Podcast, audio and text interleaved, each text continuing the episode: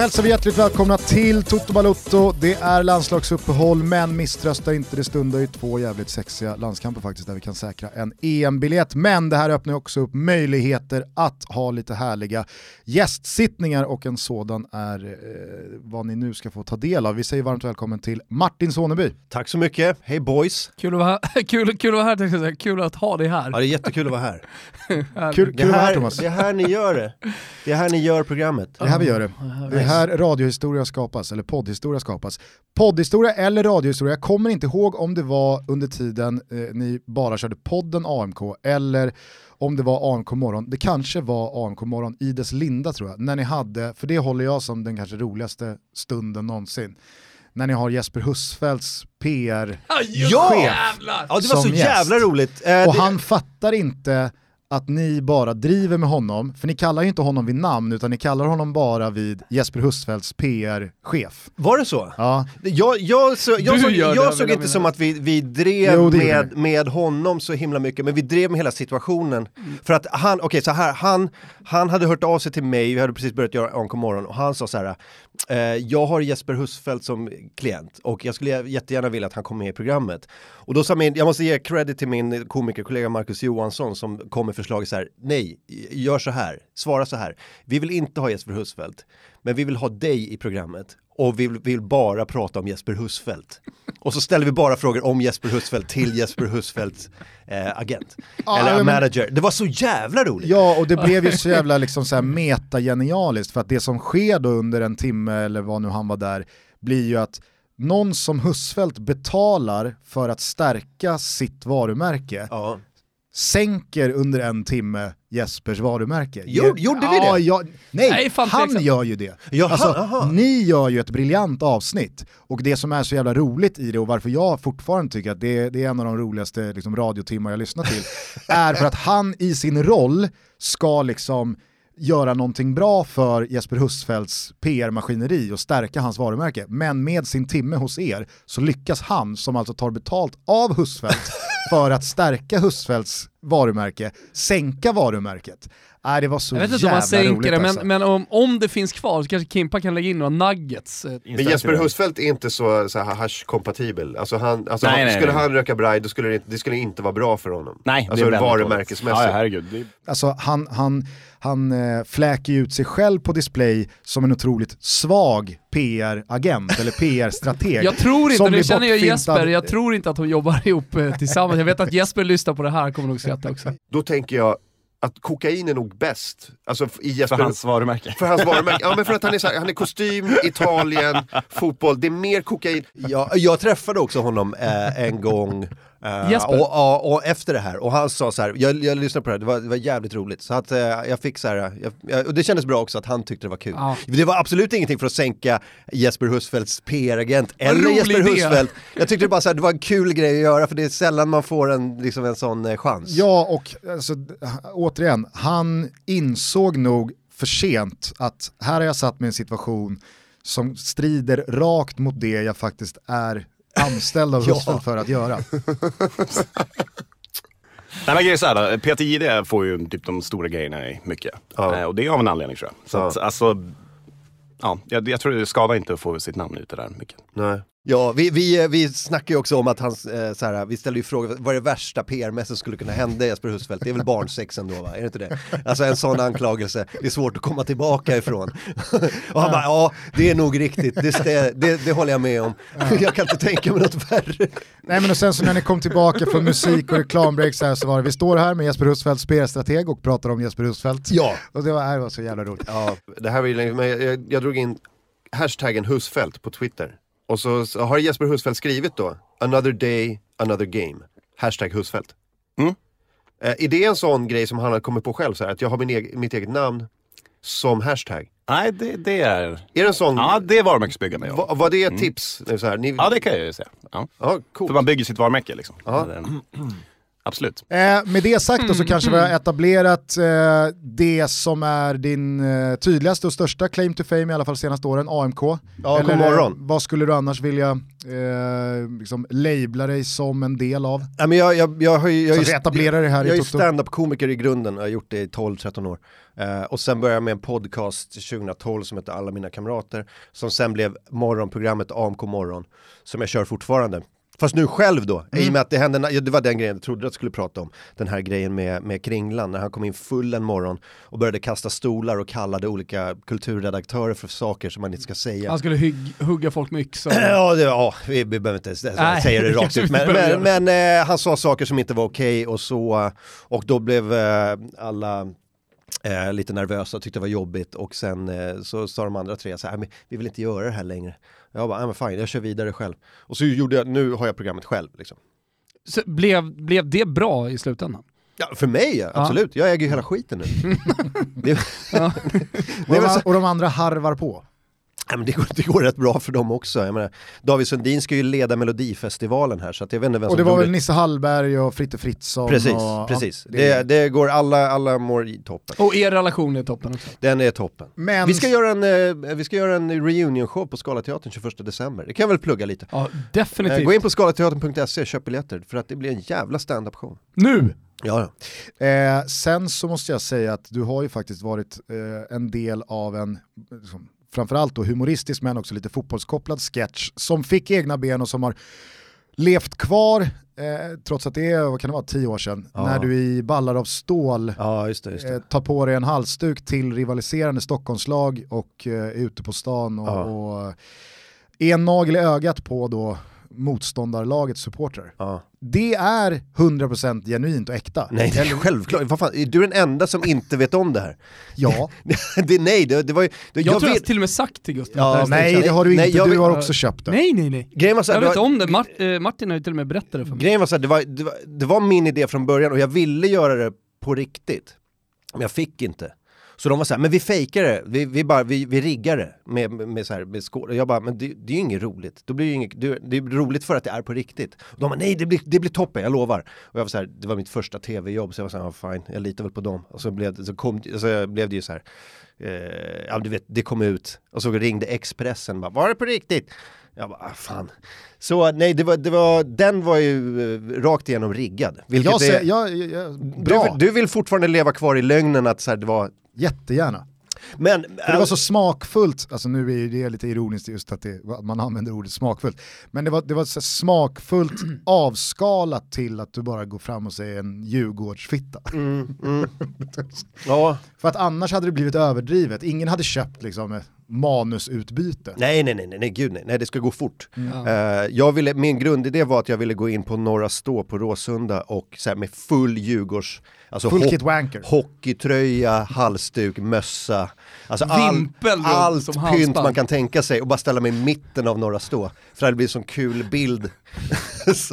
Men jag fick inte, det, det, det, jag förstår. Och sen, men sen, alltså apropå den här sista allsvenska matchen i Norrköping när Djurgården tog hem eh, eh, allsvenska titeln så var det ju folk, Djurgården som hade, ville, försökte köpa biljett till Norrköpings ståplats, vilket är stenhårt. Det är ju ballar av stål Ja. 12 år senare. Liksom. Ja. Eh, på tal om det, vi kan väl innan vi drar igång en faktaruta säga att du också är stor djurgårdare. Ja, nej, stor vet jag inte, det finns större. Men eh, jag gillar Djurgården. Du håller inte på Djurgården och Bayern liksom. Och AIK, det är mina tre favoritlag. Men, Men grattis till SM-guldet. Tack så mycket, det var jättehärligt. 14 år av skit va? Vi har ju pratat eh, ganska, alltså vi ägnade ju bara ett avsnitt åt att prata om Djurgårdens guld och det var ett avsnitt som en del lyssnare hörde av sig och sa, det var det sämsta någonsin. Ja, klart. Och vad fan, något, något avsnitt ska väl vara det sämsta. Nej, men jag tror inte det bara var liksom rivaliserande supportrar som tyckte att det var dåligt för att vi pratade om Djurgårdens guld, utan det var lite ljudstrul, Thomas var i Florens, vi hade liksom ingen riktig synk, vi hittade inte rätt i avsnittet. Det Ja var men jag, liksom hör, här- jag, för jag lyssnade på det. Ja, och ett, det ett av var, de sämre. Det var någonting med ljudet minns Ja, jag. ja. Det var, jag var bara glad och nöjd att ni pratade om det. Det är trevligt. Men eh, lite kort bara, eh, om, om Djurgårdsguldet då, vad kände du? Du sa nyss 14 år av misär, eller? eh, Eh, nej men först, alltså det var ju, det var ju, jag var ju där i Norrköping och tittade och det var, eh, alltså som ni vet så gick det inte så jävla bra i, i början av matchen. Nej. Och, eh, och jag bara tänkte, aha, det är det här allting leder upp till. Är det, ska vi falla på mållinjen nu? För jag vet inte om vi kommer att hämta oss efter det här om vi inte fixar det. Och så, sen, ja de gjorde 2-0, och, men jag hade fortfarande hopp då. För jag kände, får vi ett mål till, då är vi med i matchen. Vi, har, vi är med, ett mål, då är det ju liksom match igen. Men det var ett läge där när eh, det var någon, någonting i, i vårt straffområde som hände och jag såg att domaren, då stod det 2-0 jag såg att domaren liksom pekade så här, och det såg ut som han pekade på straffpunkten där jag stod och då var jag så här, nu är det över, 3-0, det, det går inte att ta in. Liksom. Eh, då var det så jävla jobbigt, men det var, det var bara en inspark han visade på. Ehm, och sen, men jag höll uppe hoppet och sen fick vi 2-1 rätt tidigt och det var, nu var det bara liksom köra. Och sen, nej, det var fullständig jävla lättnad efter, efteråt. Ja, det var lättnad som var den dominerande känslan. Ja, jag, jag, var, jag bara stod på läktaren och bara så här höll mig för ansiktet och bara, jag kan inte tro att det är sant, fan vi fixar det. Hur, Var du, var du med och pitcha och sprang in på planen? Nej, jag sprang inte in på planen. Det var, det var, jag hade kompisar där, eller folk som jag kände, som var så du ska med in, visst, visst, jag bara, jag, jag vet inte, jag, jag, står, jag står här. Det är, jag är okej här. hur firade du sen då? Eh, när jag firade på tåget hem, eh, drack bubbel som jag fick. Och sen, sen kom jag, jag hade inte sovit så jävla mycket kvällen innan så jag var helt slut, så jag åkte hem.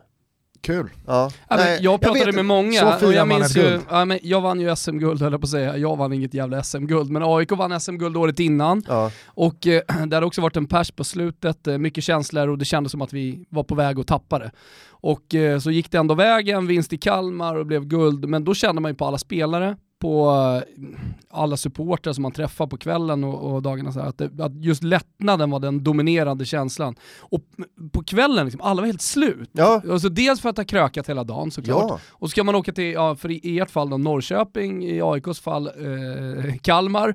Och det är en jävla lång resa, och så har man någon slags känslopik där när slutvisslan går. Man är helt tömd. Och kanske två timmar efter så dricker man lite bärs och sånt där. Men jag pratade med många Dju- Djurgårdskompisar, eh, som, några polare från Rönninge, som åkte ner, tog en bärs på, på bistron i Rönninge och sen sa de bara till varandra, "Nej, vi går hem och sover. Ja. var så- Ja, jag sju." önskar jag hade en bättre story, men det, Ja. jag har ingen Men jag tror att det många har just den storyn. Ja visst. Sen, sen tror jag inte man ska underskatta just vad det gäller AIK i fjol, att det fortfarande då var sista omgången en söndag. Vi är trots allt svenskar, det är måndag dagen efter folk ska upp och jobba. Nu hade ju SEF och förbundet, eller vilka det nu är som beslutar det, haft den goda smaken att ändra sista omgången till just lördag 13.00. Jo. Det öppnar ju upp för en bättre festkväll, Det var många djurgårdare på stan som festade, hörde jag. ja, det får man säga. Kommer, Eh, upp, kommer upp på centralen, när tåget rullar in på centralen, kommer upp, för de dirigerar oss upp på Klarabergsgatan. Och så, eh, så alla från tåget kommer upp på Klarabergsgatan och så är det så här, folk drar så här nödblås, du vet sådana, såna, från båt. från båt, nödblås. Över Klarabergsgatan, man bara damn. Så. Ja, jag är ingen allsvensk supporter så jag vet inte hur länge man stannar i ett SM-guld, men eh, nu när det har gått tio dagar, 14 år. Har du, men, har, har du liksom så här, är man fortfarande på moln eller har du lite gått vidare? Aha, nu, nu har det lagt sig lite, nu blickar man framåt eller är Nej, det fortfarande en- liksom, en- vaknar du på morgonen och är euforisk? Nej, nej det kanske var de första två, tre dagarna att man inte så fan det här är inte sant. Det har inte hänt på jättelänge. Men eh, nej, en vecka kanske. En vecka är väl, är väl eh, lugnt. Men nu har det gått mer än en vecka. Jag tänkte du kanske kollade på fotbollsgalan igår, då kom ju hela Djurgården och de prisades på scen och Bosse hade guldkavaj Jajamän. och sånt där. Gör det någonting med dig eller ser du bara det usla i själva galan? Nej, jag, vet, jag såg inte galan, jag såg lite bilder. Tycker Eh, du om fotbollsgalan? jag, vet, jag har inte sett den på skitlänge. Ah, okej. Alltså galor generellt tycker jag har blivit så här, senaste tio åren, kan, det, det är för mycket nu, kan vi inte bara lägga ner galorna generellt? Det är inte bara fotbollsgalan, alla. Alla galor. Det, det, det, känns, Många, många kände så igår. ja, men det, det känns ju som att galernas tid börjar bli lite förbi och passé. Ja, Men eh, innan vi bara vi släpper Djurgården, tror du att det här var starten på en tid då Djurgården kommer vara med och slåss om fler SM-guld eller är du en djurgårdare som mer är lagd så att fan vi tog ett guld ingen hade räknat med, nästa säsong är det tillbaka till att topp tre är en jävla bedrift. Ja, jag, jag tror det, vi har ingen som helst stabilitet tror jag, vad gäller den biten. Jag tror allting hänger på Bosse Andersson. Om han är kvar och orkar jobba som han har jobbat så kommer det gå bra. Eh, och eh, Kim och Tompa eh, är, är ju fantastiska och kommer få ett, en försäsong till. Eh, att liksom eh, ja, du vet, bygga laget och, eh, och Bosse kommer att kunna liksom göra sina, sina grejer som man behöver göra. Så att jag tror att det, det, det, det är en bra grund kortsiktigt men alltså jag, det be- behöver inte betyda någonting om tio år. Det vi gör nu tror jag inte kommer att liksom ge någonting om, om tio år förutom kanske ekonomiskt eller sånt där. Kommer du åka på borta resor till Europa nästa sommar? Ja, lätt! Jag var i Odessa förra sommaren i, när Djurgården spelade mot, vad heter de, Mariupol eller någonting. Mm. Det var så jävla fett. Ja fan det är skitkul. Ja men det måste jag verkligen stämma in i. Alltså det, speciellt då om man äh, är supporter till ett lag som inte åker så mycket Ja. i Europa. Och då, då kan liksom Odessa vara paradiset. För att det är Ja. så jävla häftigt att åka med sina polare. Och av Djurgården att döma i fjol så var ju Odessa verkligen paradiset. ja det får man verkligen säga. Ja och dessutom var ju liksom Ja, ju en ett miljon liksom. djurgårdare där. Mm. Enligt uppgift. Ja, men jag, kommer, jag, jag, ja, men, jag, jag, jag kommer ihåg när Fiorentina tog sig tillbaka till Europa efter att ha varit döda och liksom, för, speciellt första säsongen, det var ett kval till Europa League och sista matchen mot Slavia Prag. Ja men det var i augusti när italienarnas semester, men man åker inte gärna till Prag kanske för det är så jävla varmt. Men då var det så här 7-8 tusen Fiorentina-supportrar. Alltså var man än gick i centrala Prag så, så var det liksom höga eh, Fiorentina-supportrar som hade hittat eh, haschet i, i Prag. Men alltså så här, det, det var verkligen, med, så här, överallt, det låg så här, di, haschdimma över allt, ö- alltihopa och så, så bara lila över hela stan. Har de inget hasch i, i Florens eller? Jo men de har, men du vet, ska man på bortaresa då, då vill man fästa till det lite extra. Så att, eh, då ser man till att lösa det fort. Jag fattar inte hur haschet har blivit så stort bland, alltså man blir så sonkad av hasch. Alltså Ja, just men, till fotboll. Har du stått men- i en italiensk fotbollskurva någon gång, då, då, då går de där runt. Vet. Ja jag vet. Spliffarna, jag, de liksom bara jag, jag vet. Men, cirkulerar. Och, och jag fattar inte hur de kan ha liksom blivit så jävla poppis. Nej. Så det måste finnas så många andra grejer som är bättre Jag tror att det till handlar om att, livefotboll. nej, men jag tror att det finns andra grejer som, eh, som lä- lägger grunden och sen haschet är bara för att så här, ta ner det lite grann. Jag tror också det. Jag hade, jag hade en kompis som var komiker i London på 90-talet, en, en svensk kille. Och eh, där var det mer, mycket så här med kombon, eh, marijuana och kokain eh, för att kunna skriva skämt. De Jaha. bästa skämten. Så, så, så lite kokain, då, då blir man liksom taggad och får energi. Men inte för mycket, för då blir man helt jävla... Blul, så här, då måste man röka lite gräs för att ta ner det lite. Men röker man för mycket gräs, då måste man ta lite mer kokain för att, för, för att hitta det. så hitta balansen. Nu har jag balansen, nu har jag balansen, nu kan jag skriva riktigt roliga skämt. Man har inspiration och energi. Och det är den balansen man behöver. Och sen när man tänder av och läser skämt man har skrivit så fattar man vad Fuck, fan. det här var helt värdelöst! Och sen Beatles gjorde musik på LSD. Så vad fan håller vi på med? Lät skitbra när vi var inne i det. Men men eh, med det sagt då, eh, och innan vi kommer in på faktarutan bara. Sverige EM-kvalar här nu, sista vändan, Rumänien borta fredag, Färöarna hemma måndag. Det finns ju någon slags köksdörr ifall vi chokar här med ett playoff i vår. Men är det här någonting som betyder mer eller mindre för dig? Ja, men det, är, det är skitkul när Sverige går till VM, eller EM, eller mästerskap eh, generellt. Så det är klart. Men jag vet inte, jag har något svårt, jag har svårt att bygga upp någon så här kul känsla, förväntan inför landskamperna. Jag vet inte, det, förbundet har... Har du alltid haft eller är det någonting specifikt Ja, nu? jag vet inte, de här höstmatcherna, även om det betyder skitmycket så är det bara svårt att få liksom in, kan de bara skicka ut en lite promos? Kan de bara göra mig liksom exalterad över, jag känner inte att det här är mitt fel, det ligger inte på mig att bli exalterad över eh, de här viktiga matcherna, det måste förbundet, gör mig, gör Exakt. mig Bygg det här bättre. hypad på, fan, den, det, eh, håller ni med eller? Ja, ja men jag, jag, jag förstår vad du menar. Sen så har landslaget gjort någonting med mig de senaste åren för att jag har varit på mästerskapen och u mästerskap och haft jävligt roligt sådär. Så att jag, nu... Var du i Prag på U21-EM där, Mm. 2015? Jag och Gusten var i. Olomouc. Olomouc. Omoluk. Omolok var vi. Insåg när vi hade flugit till Prag, eh, vi hade varit hemma hos Pontus Jansson och gjort en podcast och fått den briljanta idén att vi skulle till eh, Tjeckien då. Eh, och så efter någon flaska vin så styrde vi över eh, bron och till Köpenhamn. Hade fått tag, eller på flygplatsen i Köpenhamn fick jag tag på sportchefen på Expressen, eh, Per Andersson, eh, och skrev bara du får pröjsa flygbiljett för vi ska till eh, till Prag. Och så flög vi till Prag och, och åkte, sen var det ju fyra och en halv timmes jävla resa, vi fick ta någon hyrbil. Insåg efter att ha varit ute och festat hela natten i Köpenhamn och tagit morgonflyg 6.00 att vi kanske inte var riktigt redo att köra när vi hade landat Ah, i, i köra bil, ja. Ja. Men hur som helst, det var ju fyra timmar. Sen såg vi ju på kartan när vi åkte och stannade vi- vid någon mack, plockade vi upp eh, liksom Google Maps och kollade, oj det fan det är ju bara 45 minuter från Wien. Vi skulle ha flugit till Wien istället. Ah. Ja, men vi hade jävligt roligt där och vi såg, eh, vi såg inte Sverige, vi såg England, Italien. Ja, och sen så Eh, innan någon då misstänkliggör oss för ett brott här så plockade vi upp den största Parma-supporten i Sverige, Gian Dalaba, som fick agera chaufför. Ja, så var det. Så att, ja, en, liten, en liten ros till Dalaba i efterhand. Ja. Eh, men eh, okej, Du du, var på väg någonstans Thomas, jag, vet, Eh, jag vill nej, avbryta nej, dig. du ja, har nej, varit men- på mästerskap. Ja men vi var på mästerskap, sen så var vi nere i eh, Polen efter det och kollade på U21 och sen så, ja men eh, EM och alltihopa. Men det gör ju, alltså när man åker så bygger man ju någonting. Ja, ja. Och sen har vi haft jävligt kul kring landskampen här hemma också. Vi har haft massa event och grejer kring Toto Balutto och, och träffat lyssnare och så. här. Så att, eh, nej, men jag tycker jag tycker jag har byggt upp en, eh, någon slags kärlek till landslaget. Sen ska jag säga, jag har inte satt in mig i det exakt och sådär, men det blir ju väldigt mycket också eh, lottens eh, öde i hur ens mästerskap blir. Jag förutsätter att Sverige tar sig till EM, just för att det inte är i ett land. Alltså när EM spelades i Frankrike, ja men då ska man till Frankrike. Okej, Sverige fick Nice, Toulouse och Paris.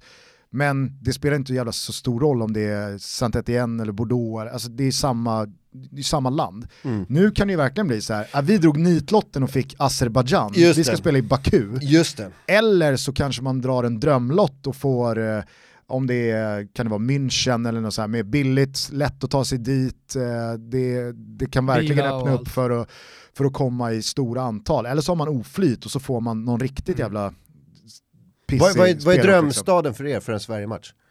Nej, men Tyskland skulle jag nog ändå tro är, är det bästa för svensk del. Det är lätt att ta sig dit, skulle- det är liksom så här, Polen, jag gillar Polen också. Jag tyckte det fanns någonting där. Alltså Mm. det, det, det är ett skitland på många sätt. Men eh, om man ska åka och kolla på fotboll, och Mm. speciellt om det är i Sverige, så tror jag att vi, dels kommer vi åka helt många, det är billigt som fan, och det kommer bli bra fest. Alltså blir det bra fest på ett u mästerskap där vi inte ens gick vidare, då kommer det bli bra i alla fest om svenska A-landslaget kommer dit. Sen måste jag också säga att det är ett jävla roligt landslag vi är på väg att få här nu Mm. Alexander Isak, Quaison, Kulusevski, Kristoffer Olsson, alltså det är ett ungt, härligt, skönt landslag med många tekniska spelare, Emil Forsberg. Vad som- heter han den italienska, Gagliolo. Gagliolo? Mm. Är han, jag vet ingenting om honom, jag har bara läst, men är det någonting, eh, kan det, kan det bli någonting? Han, han är är ganska ju- gammal. han är ju 29. Va? Ja, Jag trodde han var, men fan, Nej. vad heter den där unga killen? Kulusevski är ju 19. Vad heter han som är i Bayern München? Nej, eh, det är någon... eh, Det är någon... Patrik Andersson. Nej! Det är 1997 igen. Nej men du är har någonting här, nej men du har helt rätt Men är eh, det inte Martin. någon så halvsvensk Jo, i någon... I, i, någon... i Bayern München, typ såhär U19, det, jag tror det var bladet eller Expressen som skrev upp honom i något läge. Sen hörde jag att han kanske inte var lika stor talang, jag kommer inte ihåg hans namn, men jag vet att du, du är inte snett ute här, Nej, utan nej. det finns, det finns en, absolut. Nej men Gagliolo är bara, han spelar, ju, trodde- han spelar i Parma, har dubbla pass. Ah, okej. Och så har landslaget insett, oj då, han har ju dubbla pass och Ja. spelar i Parma varje vecka. Varför ska inte han lira i landslaget? Ja. Och så har han inte spelat för Italien än. Ja. Och det hade han väl i ärlighetens namn aldrig gjort. Var ju surr för Jo exakt, men han hade ju aldrig, han hade ju aldrig det. tagit sig in i Italiens landslag. Så Nej. att det, det blev väl någon slags win-win för, för båda. Vi får en vänsterback som kan spela mittback eller en mittback som kan spela vänsterback som spelar i Serie A vecka ut och vecka in. Italien blir inte av med någonting Jag tar det. av värde. Liksom. Absolut. Va, va, hoppas han är sugen. Han är dundersugen kan Kan, kan, kan han svenska? Eh, svag. Nej, Men Problemet med Ricardo är kan ju... ingen svensk. eh, Problemet med Ricardo är att han kan ju inte engelska heller. Ah, Eh, han har ju dock tur i och med att halva landslaget pratar italienska. Ja. Med spelare som har varit där, alltså från Granqvist, eh, men de som är där nu, Svanberg, Kulusevski, Albin Ekdal, Ja. Robin Olsen och så vidare. Och så vidare. Jag skulle bara Hiljemark. avsluta mina tankar här kring mästerskapet, för att jag vet faktiskt inte hur Uefa har tänkt där. I och med att det inte finns något värdland så undrar jag om eh, länder som kvalificerar sig för mästerskapet som också har en, eh, en spelplats, alltså Sverige kan ju kvalificera sig för EM men ingen match ska spelas i, i Stockholm. Men om, låt säga då att, eh, kan, kommer Spanien kunna spela i Spanien? Med största sannolikhet så spelar Eller- han väl någon match där. Exakt, eller vill man att då Spanien ska spela i Spanien? Mm. Förstår du vad jag menar? För att Ja, det tror jag nog. det där gör ju halva grejen. grejen också med ett mästerskap, Mm. att man är i ett land där liksom nationen också har match. För det gör ju så jävla mycket, om, om det blir Det är Sverige, ju konstigt om det ska spelas menar, fotboll i Madrid och Sverige då spelar, då spelar de i Baku. ja exakt. Ja, jag vet inte. Eller om det blir liksom Svårt Sverige mot. Holland i Portugal.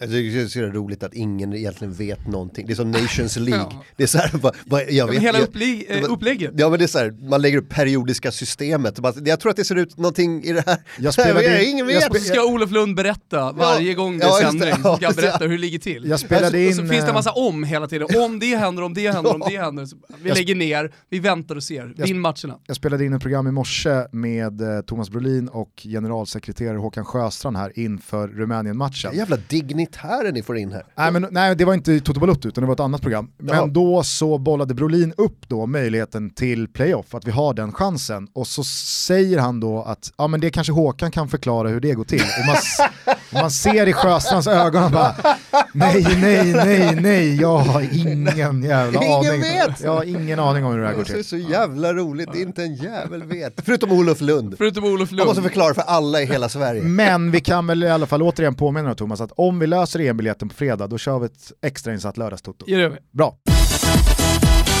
Hörni, under torsdagen så rullar den sista EM-kvalvändan igång. Det är fullmatat med matcher hela vägen fram till och med tisdag nästa vecka. Sverige spelar fredag, måndag, men det finns ju en rad andra pärlor att följa också. Och det här gör man via Simors kanaler. Ja, men jag skulle vilja kalla det för Simors vecka. I och med att all annan fotboll ligger nere, ja men då får man ratta in Simor. För det är där fotbollen spelas. Och det är ju dessutom en jävligt spännande och jävligt rolig vecka. I och med att det ska avgöras. Vi, vi ska möta Rumänien borta, ja och sen så Färöarna då. Men eh, efter det här, då vet vi hur det ligger till. Vilka Exakt. går till, till EM och vilka går inte. Och då, ja, men det jag menar är att då spetsar det till sig andra grupper så det blir roligare att se de andra eh, matcherna. Kommer. Nordirland lyckas med miraklet mot Holland och Tyskland? Va?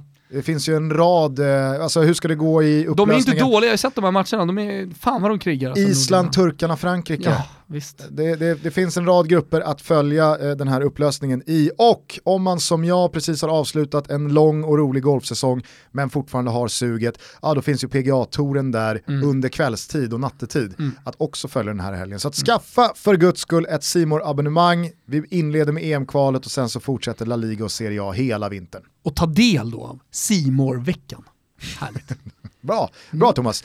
Eh, Sveriges match mot Rumänien tänker vi att vi ska göra lite extra intressant genom en klassisk eh, trestegsraket borta hos Betsson. Vi stod ju och pratade om hjältar här, kunde inte riktigt enas om vem som blir Andreas Andersson borta mot Turkiet. Eh, Vem kommer bli hjälten som verkligen skjuter oss då till eh, Marcus EM? Albeck borta mot Moldavien. säga så här, skjuter oss Annan- till EM i och så bara just det, det är EM överallt. Ja, just det. Mm. Nej, men Albeck borta mot Moldavien, en annan eh, Ja. klassiker. Ola Toivonen Albeck. hemma mot Holland på Råsunda, också sådana här mästerskapsmål.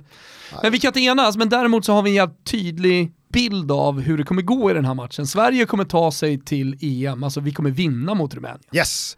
Och vi kommer lägga grunden till den segern genom en hållen nolla. Robin Mm. Olsen toppform, Oj, ordinarie mittbackspar i Ja. Vigge och Granen, Pierre Bengtsson är inne i det och Mm. så är det Big Mike Lustig på högerbacken. det är stängt. Det är stängt så att Sverige håller nollan. Äh, Jag vet inte om du hörde intervjun med Frida Nordstrand som Jan Andersson gjorde, men han pratade ju om Kristoffer Olsson som en jävligt bra bollvinnare. Han sa det, när vi kollar statistik, alltså många tänker ju honom som en som vrider och vänder och Kristoffer Olsson, vändningen, och allt det där och bra offensivt.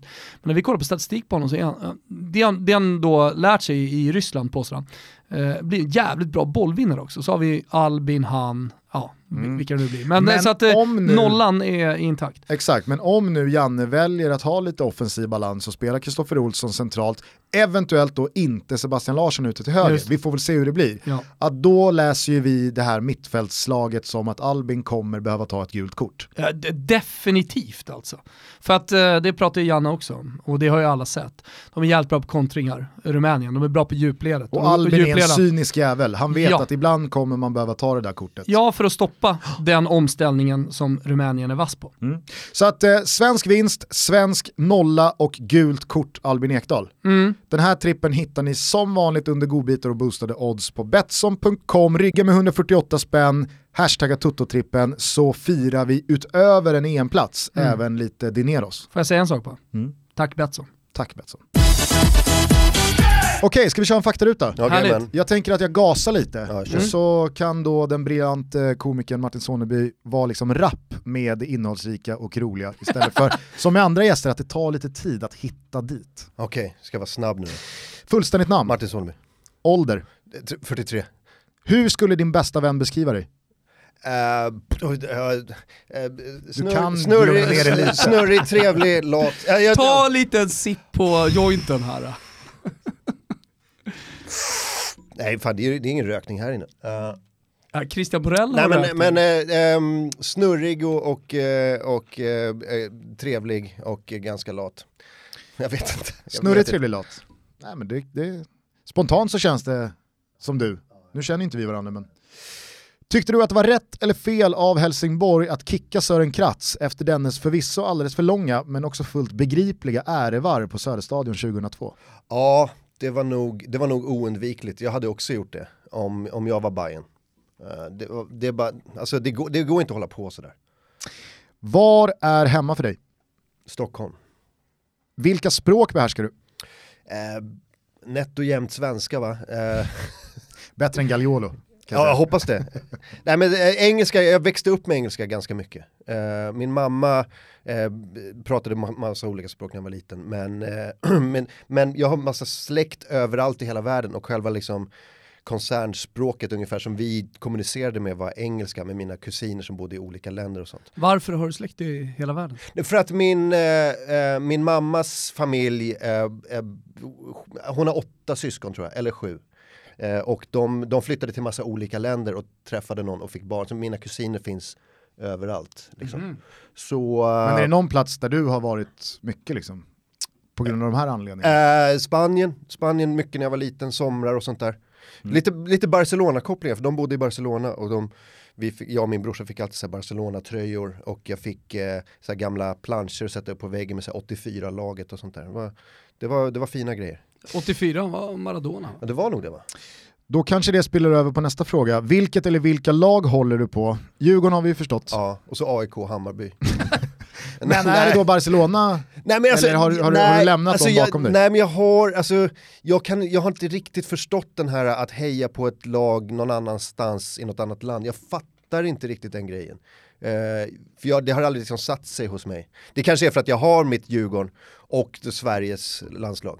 Eh, men men alltså jag skulle ju kunna claima Barcelona som fan i och med att jag har gamla bilder på mig själv när jag var liten och hade sån i Det hade ju Barcelona. också varit Ja, någonting men i, och med att det var, det, i och med att det var innan det liksom blev en vinstmaskin. Ja, innan Messi-eran. Exakt. Ja, eh, så det hade ju varit något, men, men det, det fastnade aldrig för att jag är inte därifrån. Eh, men jag alltså min, en av mina kusiner som, som växte upp där, eh, jag frågade honom så går, går du på matcherna och sånt där? Eh, han bara nej det är så jobbigt, det är så mycket folk. Och så jag ser det på tv, det är mycket, det är mycket bättre. Ja, men bara, det, du "Ja, hade ja." kunnat, det du hade kunnat claima var ju det här gamla Barca, precis som Gusten är inne på, som det finns Manchester City-supportrar som är väldigt tydliga med att berätta att ah, men jag höll på dem innan. Likt Ja. Chelsea-supportrarna, vi höll, vi höll på Chelsea PSG. innan. Exakt. Ja, David Fjell har väl sagt det några gånger. ja. men jag höll faktiskt på Chelsea Det innan Abramovic det kom. är ingen som har missat att David Fjell har haft säsongskort på Stamford Bridge Nej. Långt innan Abramovic red in i London. Jag, jag var ju lite av ett Oasis-fan på 90-talet och därmed också blev man ju så här, kollar man in Manchester City lite grann.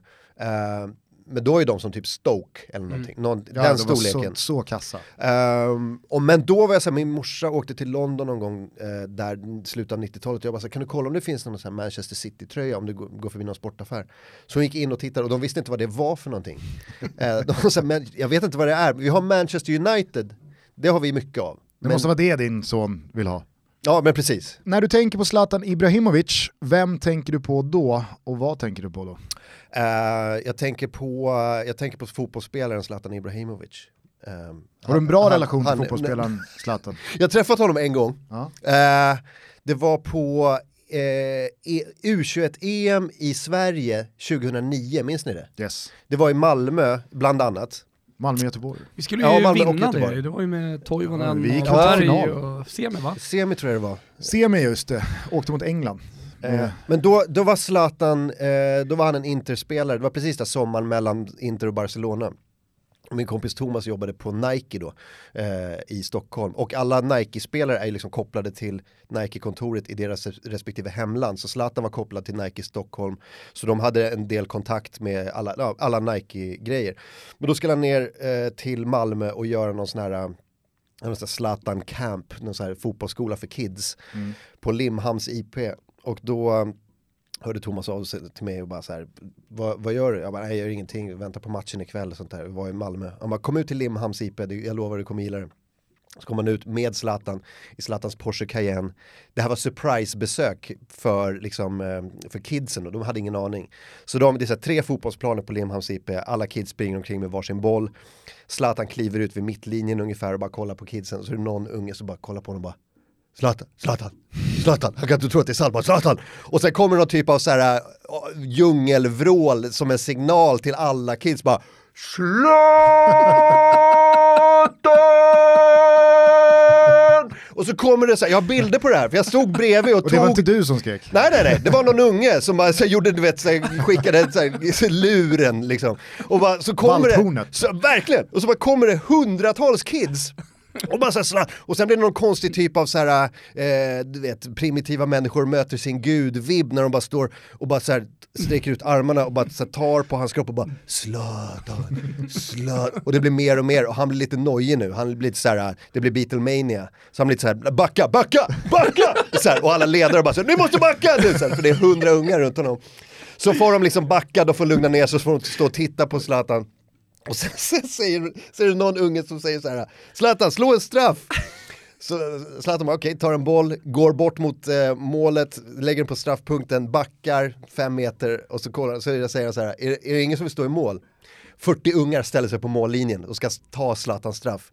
Eh, och eh, och eh, han tar sats och han skjuter sig, han skjuter lite för hårt. Alltså inte så här, alltså inte sitt hårdaste självklart, men han skjuter lite för hårt för, liksom, för en sjuårig unge och träffar en unge rakt i pannan. Alltså så, här, så riktigt så, så ungen, så ungen så snurrar runt sin egen axel nästan.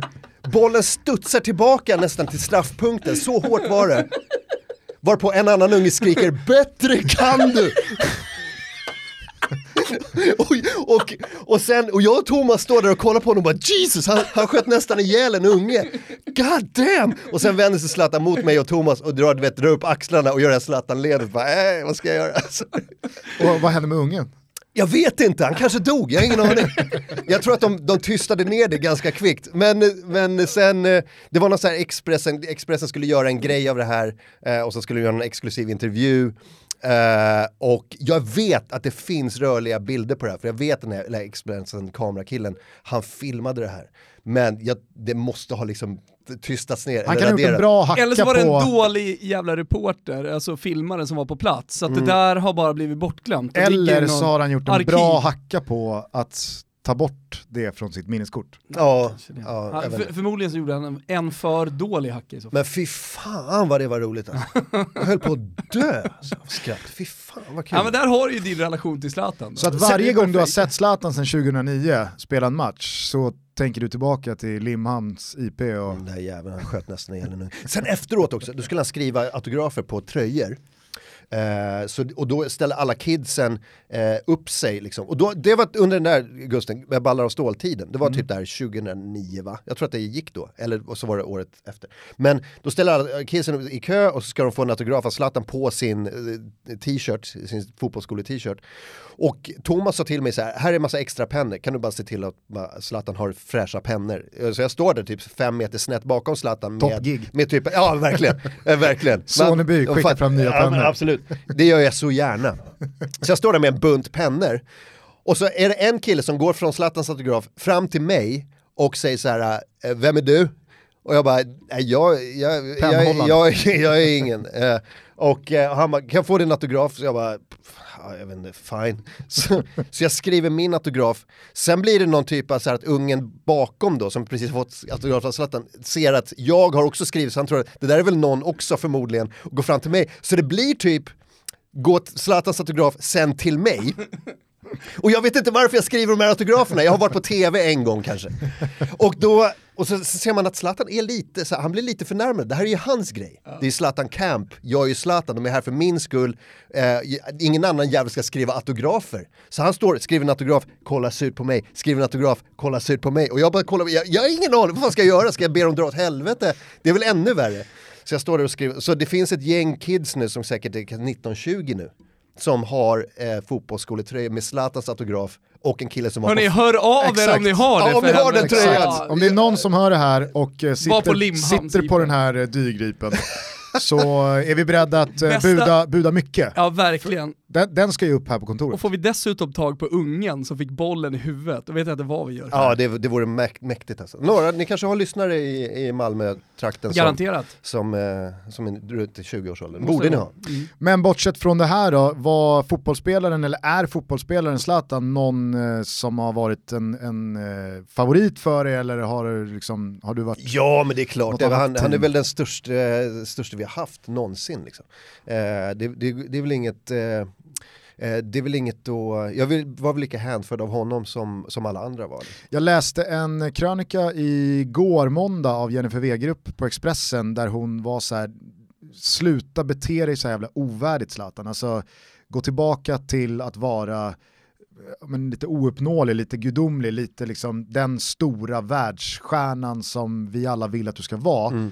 Eh, har du känt lite samma sak de här senaste åren när det har varit lite tjafs mot landslag och han har slagit reklammynt av VM-platsen och nu Mm. Ja, är han ute och ja. svingar mot Janne. Ja, det är, lite, det är lite ovärdigt, men jag tänker ändå så här, vad fan, det man, man är ju rätt van vid det. Är man inte van vid Zlatans beteende nu efter 20 år, då, då vet man inte vad, alltså, eh, man, man vet ungefär vad man får. Jag hade blivit mer förvånad om han hade blivit någon typ av så här, jag vet inte, så, så här, vadå, Bjärred, eller du vet någon sån som är så, du vet, storsint, korrekt, eh, du vet, eh, ja, han, är, han, är, han är ju den han är, jag tror inte han kommer att ändra sig. Det är, det är väl bara köpa, det med, läs innehållsförteckningen, det här är vad ni får liksom. Du som jag ändå tänker mig är en lite spånande människa, vad tror du Zlatan gör om tio år?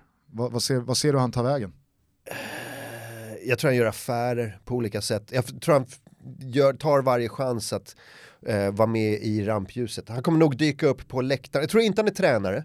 Jag tror inte han är någon typ av eh, sportchef eller någonting. Jag tror att han är mer av en... Inte för mycket operativ roll, där du Nej. liksom måste känna, Nej. han, ska inte, han ska inte dofta på gräset, Nej. snarare eh, styrelserum. Ja, eh, inte så här eh, scouta och deala och agent tror jag inte heller. Det det för... Det för agent handlar ju också om någon annan. Mm. lyfta fram någon annan, jobba för någon annan. Det tror jag inte Zlatan. Jag tror kommer Zlatan kommer jobba för Zlatan i hela sitt, eh, hela sitt liv.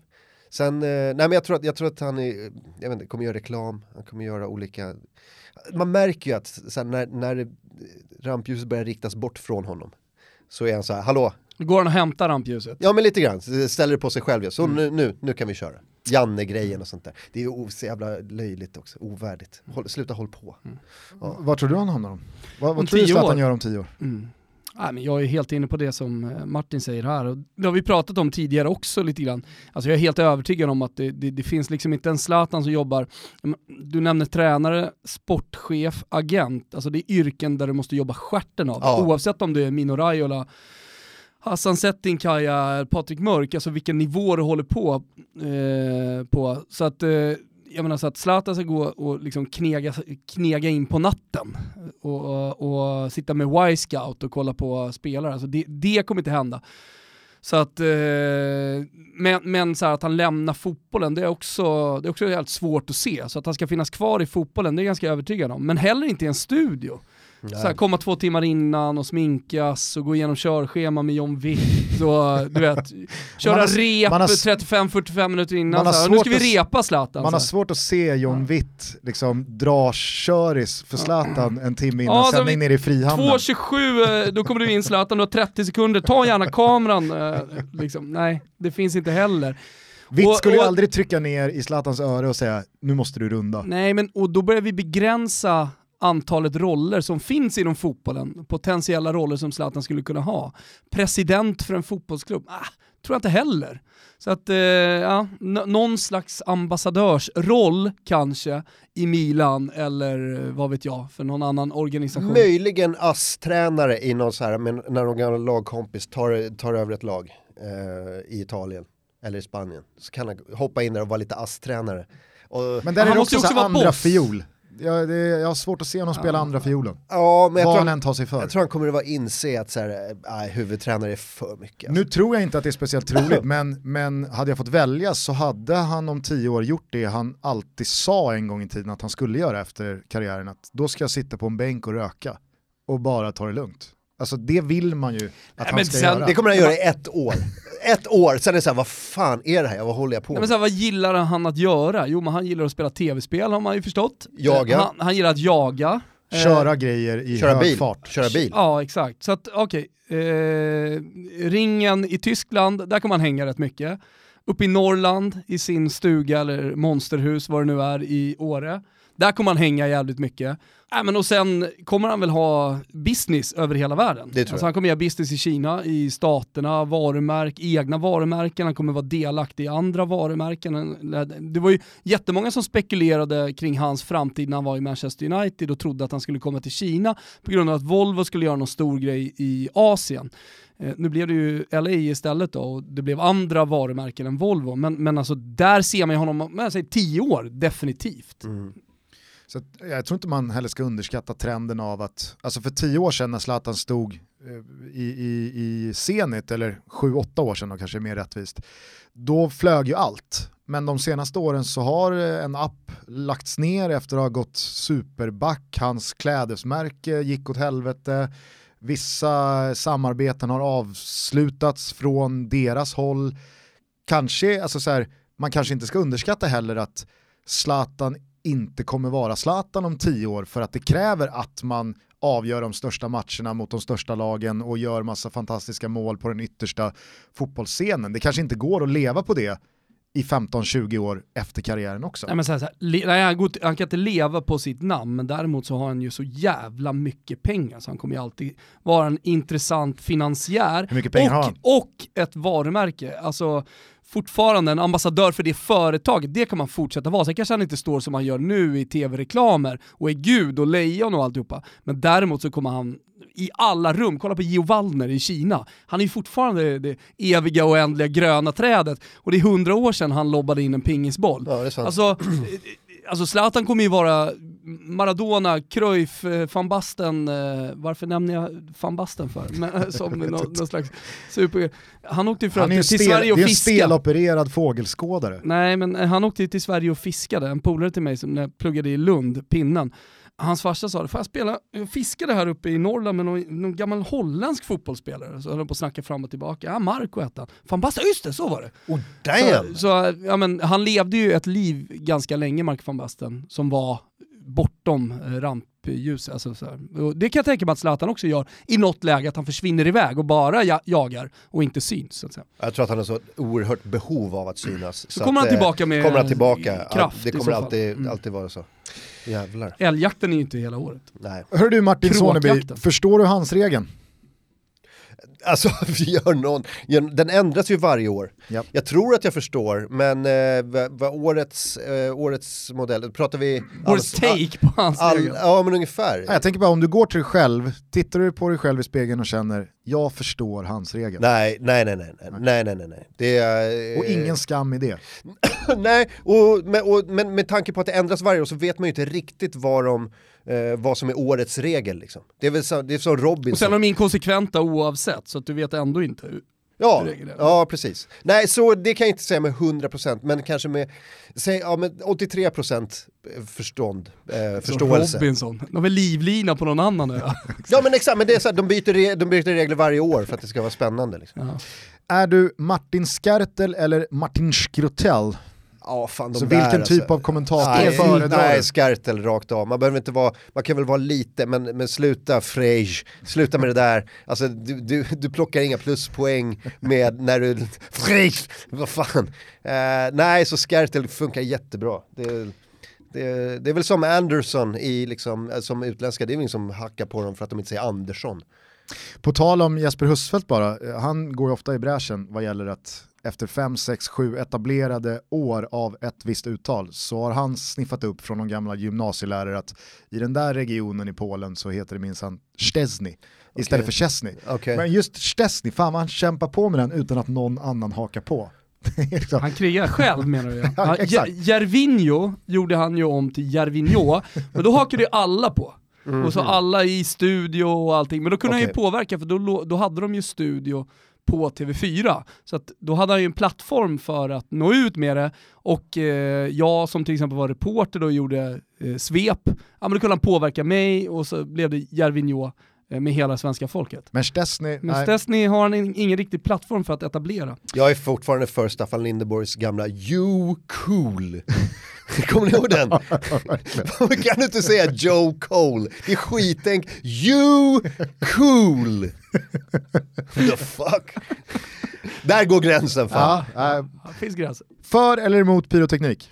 Alltså för, för 99,9% för. Eh, enda, mitt enda så här, men det är om det ska försena matcherna så jävla mycket. Eh, det känns inte som att det är värt en timmes uppskjutning av avspark. Men... Då kan man ju skylla det på myndigheterna som har förbjudit det. Hä? Ja men om någon förbjuder Ja. Mm. bengaler, då är det deras fel. Att eh, bengalerna är förbjudna, då vill du ju ändra på den regeln. Eh, nej, nej, det är mer att man inte ser någonting. Det är när bengaler bränner, alltså när det blir så jävla mycket rök så man inte ser någonting och det är därför man måste eh, eh, skjuta upp matchen så att vädra ut. Men annars, fan kör, bränn allt ni har, alltså så bränn, bränn bebisar på läktaren, jag skiter i vilket, det, är- det är skitfett med bebisbränning på läktarna. Bara det inte försenar matchen. Såg du halvtidsbränningen från norra? Åh. Nej. 900 bebisar, bebishuven brann, så jävla grymt tifo. Gall, gallningen 2.0. Martin Soneby går ut och det enda han har att säga att det var tråkigt att den inte kom igång på tid. Ja, verkligen. Jag minns ett eh, Stockholmsderby på Råsunda, sen, det kan ha varit 04-05, där båda kortsidorna brände så jävla mycket pengal. Och det, det är ingen jättestängd arena, Råsunda. Eller, eller Det var en vad. perfekt pyroarena. Ja, men det, det, det var så jävla mycket rök där så spiken var så här, ja, att försöka återskapa slaget vid Lützen just idag kanske inte var den bästa idén. Han kände att eh, här har jag ett läge för ett kanonskämt. Lite av ett skämt. Och jag tror att han har kört den fler gånger också. Jag har bara hört den en gång, men jag har hört att han har gjort den andra gång. Vilken är din absolut fetaste fotbollsupplevelse? Eh, så det, det finns väl vissa guldgrejer som är, men ska, ska man gå bort från sin egen så här, egen... Det blir svårt att Norrköping eh, högt va? Ja men det är klart, det är, det är Kanske- jättehögt. men det blir svårt att toppa det som hände på Limhamns IP. Ja, alltså de grejerna, de, de grejerna, alltså, men ska, jag tänker på match nu, eller kan det vara Ja, vad du, som du får helst? tolka det hur du vill. Det var, alltså jag, jag såg en Champions-match, det var min första Champions-match i Valencia tror jag, Valencia-Inter, returmöte sen 07 eller någonting. Det var svin för det blev mållöst. Var det då det blev sånt jävla kurr i ja, slutet? Ja, det var riktig fight på slutet, folk sprang omkring, det var, det var fighter i, i korridoren efteråt. Eh, omklädningsrum. Eh, det var, och det var galen stämning. Det var så här, in, Valencia behövde mållöst bara. Alltså de behövde, jag tror de behövde kryss egentligen för att gå vidare. Ehm, och, eh, och det fixar de. Och det, blev så, det, var, det var enormt elektrisk stämning alltså med Champions. Eh, Det var helt magiskt. Men sen var det en gång också när, eh, får jag berätta om när 94-laget, halva 94-laget hängde med mig när jag skulle köpa Det är en ju jacka. en fotbollsupplevelse, så det får du definitivt göra. Jag var i Porto på Portugal-Sverige, jag tror det var VM-kval. Mm. Eh, kan det vara 2010, Mm, 10? Ja, kan det ha varit. 9. Ja, något sånt där. För det var mycket landslag, det var Zlatan Ja. i Limhamn, det var Nej, det, var, det, var, det var i- 2009, eh, Adam Johansson spelade högerback och raderade ut Cristiano Ronaldo. Ja, det, Sjukt nog. ja, det är möjligt att det var så. Det var mållöst tror jag. Ja. Ehm, och eh, det var då jag, det var första gången jag träffade Bjärred Andersson, han var med på den här resan. Eh, He's a hoot. Det är härligt. Så jag träffade honom, eh, Jonas Tern var med på den här resan också. Eh, och så var det, jag tror att det var Håkan Eriksson, gamla Helsingborgsmålvakten, va? eller? Hette han det? Eh, Inte Bragd- U21-förbundskaptenen då? Eller Hette- menar du Sven Håkan Andersson? Svensson. Håkan Nej, Svensson? Sven Andersson är ju den gamla Det Helsingborgsmålvakten, San Siro-Sven. Ja, men Sen det så var, Håkan Svensson från Halmstad, det var möjligt att det var han. Han var stod i keeper. AIK också. Ja. Ja, det var i Tror Jonas... fortfarande han håller rekordet för längst hållen nolla i Allsvenskan. Okej. Hans son, det är inte så många som eh, vet det, men hans son heter typ Vidhems Paul. Okej. Rasmus Widhemsen Paul. Och vann precis skytteligan i Superettan. För. Halmstad. Men det är alltså Håkan Svenssons son. Det, är möjligt, det var någon eh, kompis med Jonas Tern i alla fall, så jag kan tänka mig att det var någon typ av, jag har inte någon Halmstad connection, något sånt där. Skitsamma i alla fall. Det var, och sen åkte vi ner till Porto, där bor ju Stefan Schwarz. Ja. Så de hookade upp med honom då. Bodde på samma hotell, Porto Palacio i Porto, fy fan vilket schysst hotell. Eh, och, eh, Men var så- ni ett sällskap eller råkade det bara bli så att... Nej, jag åkte med, eh, med en sån sportresebyrå, gjorde ett jobb för dem eh, på resan ner och tillbaka. Och Patrik var med där också på den här, så att eh, alla var med på den här liksom, sportresebyråns resa. Okej, så vi kommer ner dit, eh, hookar upp med Stefan Schwarz, han kommer till hotellet för han bor ju där nere. Och, eh, och, jag var och jag hade missbedömt vädret så att jag hade ingen jacka med, jag trodde det skulle vara varmt. Det var ganska kallt på kvällen så jag var så här, jag måste ha en jacka till ikväll annars kommer jag frysa ihjäl på läktaren. Och de är så här, ja vad fan vi hänger med. Alltså Bjärred, Tern och Schwarz. Och, Och eventuellt Sven eventuellt och, eh, Sven Andersson eller Håkan någonting. Eh, någon eh, Helsingborgs målvakt. Jag tror att det är Håkan Svensson. Ja, eh, det kan vara. Och i alla fall, så, så jag, jag går ner till den här shoppinggatan och går in i någon affär och, så här, och jag bara så, shit, ha, alltså de hänger med mig. Alltså, och jag går in och bara, jag ska kolla på en jacka, så bara, du vet, kolla på en jacka, du vet, går in och de bara står och pratar med varandra och jag så här, tycker att det är världens mest normala grej att de hänger efter mig när jag köper en jacka. Så att jag var såhär, fan, vad fan håller jag, och, ska och så vi går, jag bara, nej ingenting här, vi går ut eh, på gatan och bara, fan de hänger fortfarande på. Går in, du vet, jag prövar en jacka, du vet, tärn är såhär, ja den där är rätt nice. Jag bara, what the fuck? Så vad fan är det som händer? Så här, och så hittar jag en jacka och, eh, och så, så har jag den på, eh, på kvällen på läktaren och jag bara sitter och tänker, vad fan hände det där just? Halva 94-laget går och ger mig smakråd i Porto på, min jävla, på mitt jävla jackköp. Det, Säg- det, var, det var den mäktigaste fotbollsupplevelsen Det någonsin. är, det är supermäktigt. tycker också ringar in hur livet efter karriären ser ut för många fotbollsspelare. Man har inte bättre saker för sig. Nej, Eller att haka på vad smak är. Ja. Är du för eller emot VAR? Eh, alltså, vad, vad ska jag säga, motvilligt för. Jag tror att det är oundvikligt. Det är liksom, det, vi kan inte ha ett läge där en domare, eh, den, alltså den enda som inte får ta del av alla de här eh, teknologiska eh, hjälpmedlen och bilderna och repriser och sånt där, är den som ska ta besluten. Han är den enda som inte kan ta del av dem. Det, det går inte att ha det så. Det är omöjligt ju. Ja. Det, det är ju helt bakvänt. Så att, tyvärr, så här, med, eh, med, eh, det hade varit konstigt om det var så här, ingen får titta på tv, fotboll på tv, men domaren får ha alla bilder. Det hade varit skitkonstigt. Men nu har vi alla bilder. Ska domaren inte då få ta del av dem? Det, är- det är weird. Så nej, Sen det, kan man eh, skruva på det och göra ja det självklart. Det är så. Ja, men, då, det, men det, du och jag är jag, på tror att samma det, jag spår. tror att det är oundvikligt. Vem från fotbollsvärlden hade du helst velat dela en flaska vin med? Fan, det här är en skitbra fråga som jag tänker så här, jag måste ju, jag måste ju, eh, jag måste, fan det är ju några roliga. Kommer du ihåg Jimmy Bullard? Ja.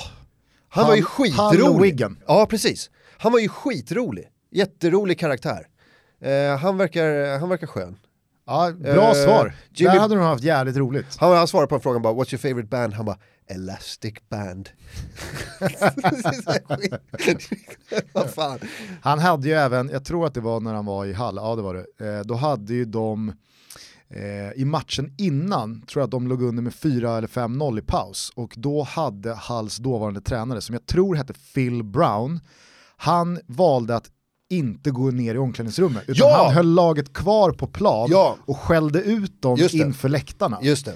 Eh, vilket är i sig ett helt otroligt move Ja. av en tränare på den Allmänt nivån. åtlöje, Ja. alla nu, ska nu ska det. han visa för alla att jag skäller minsann ut dem Just så det. ingen tror att vi går ner i omklädningsrummet och är nöjda med den här halvleken.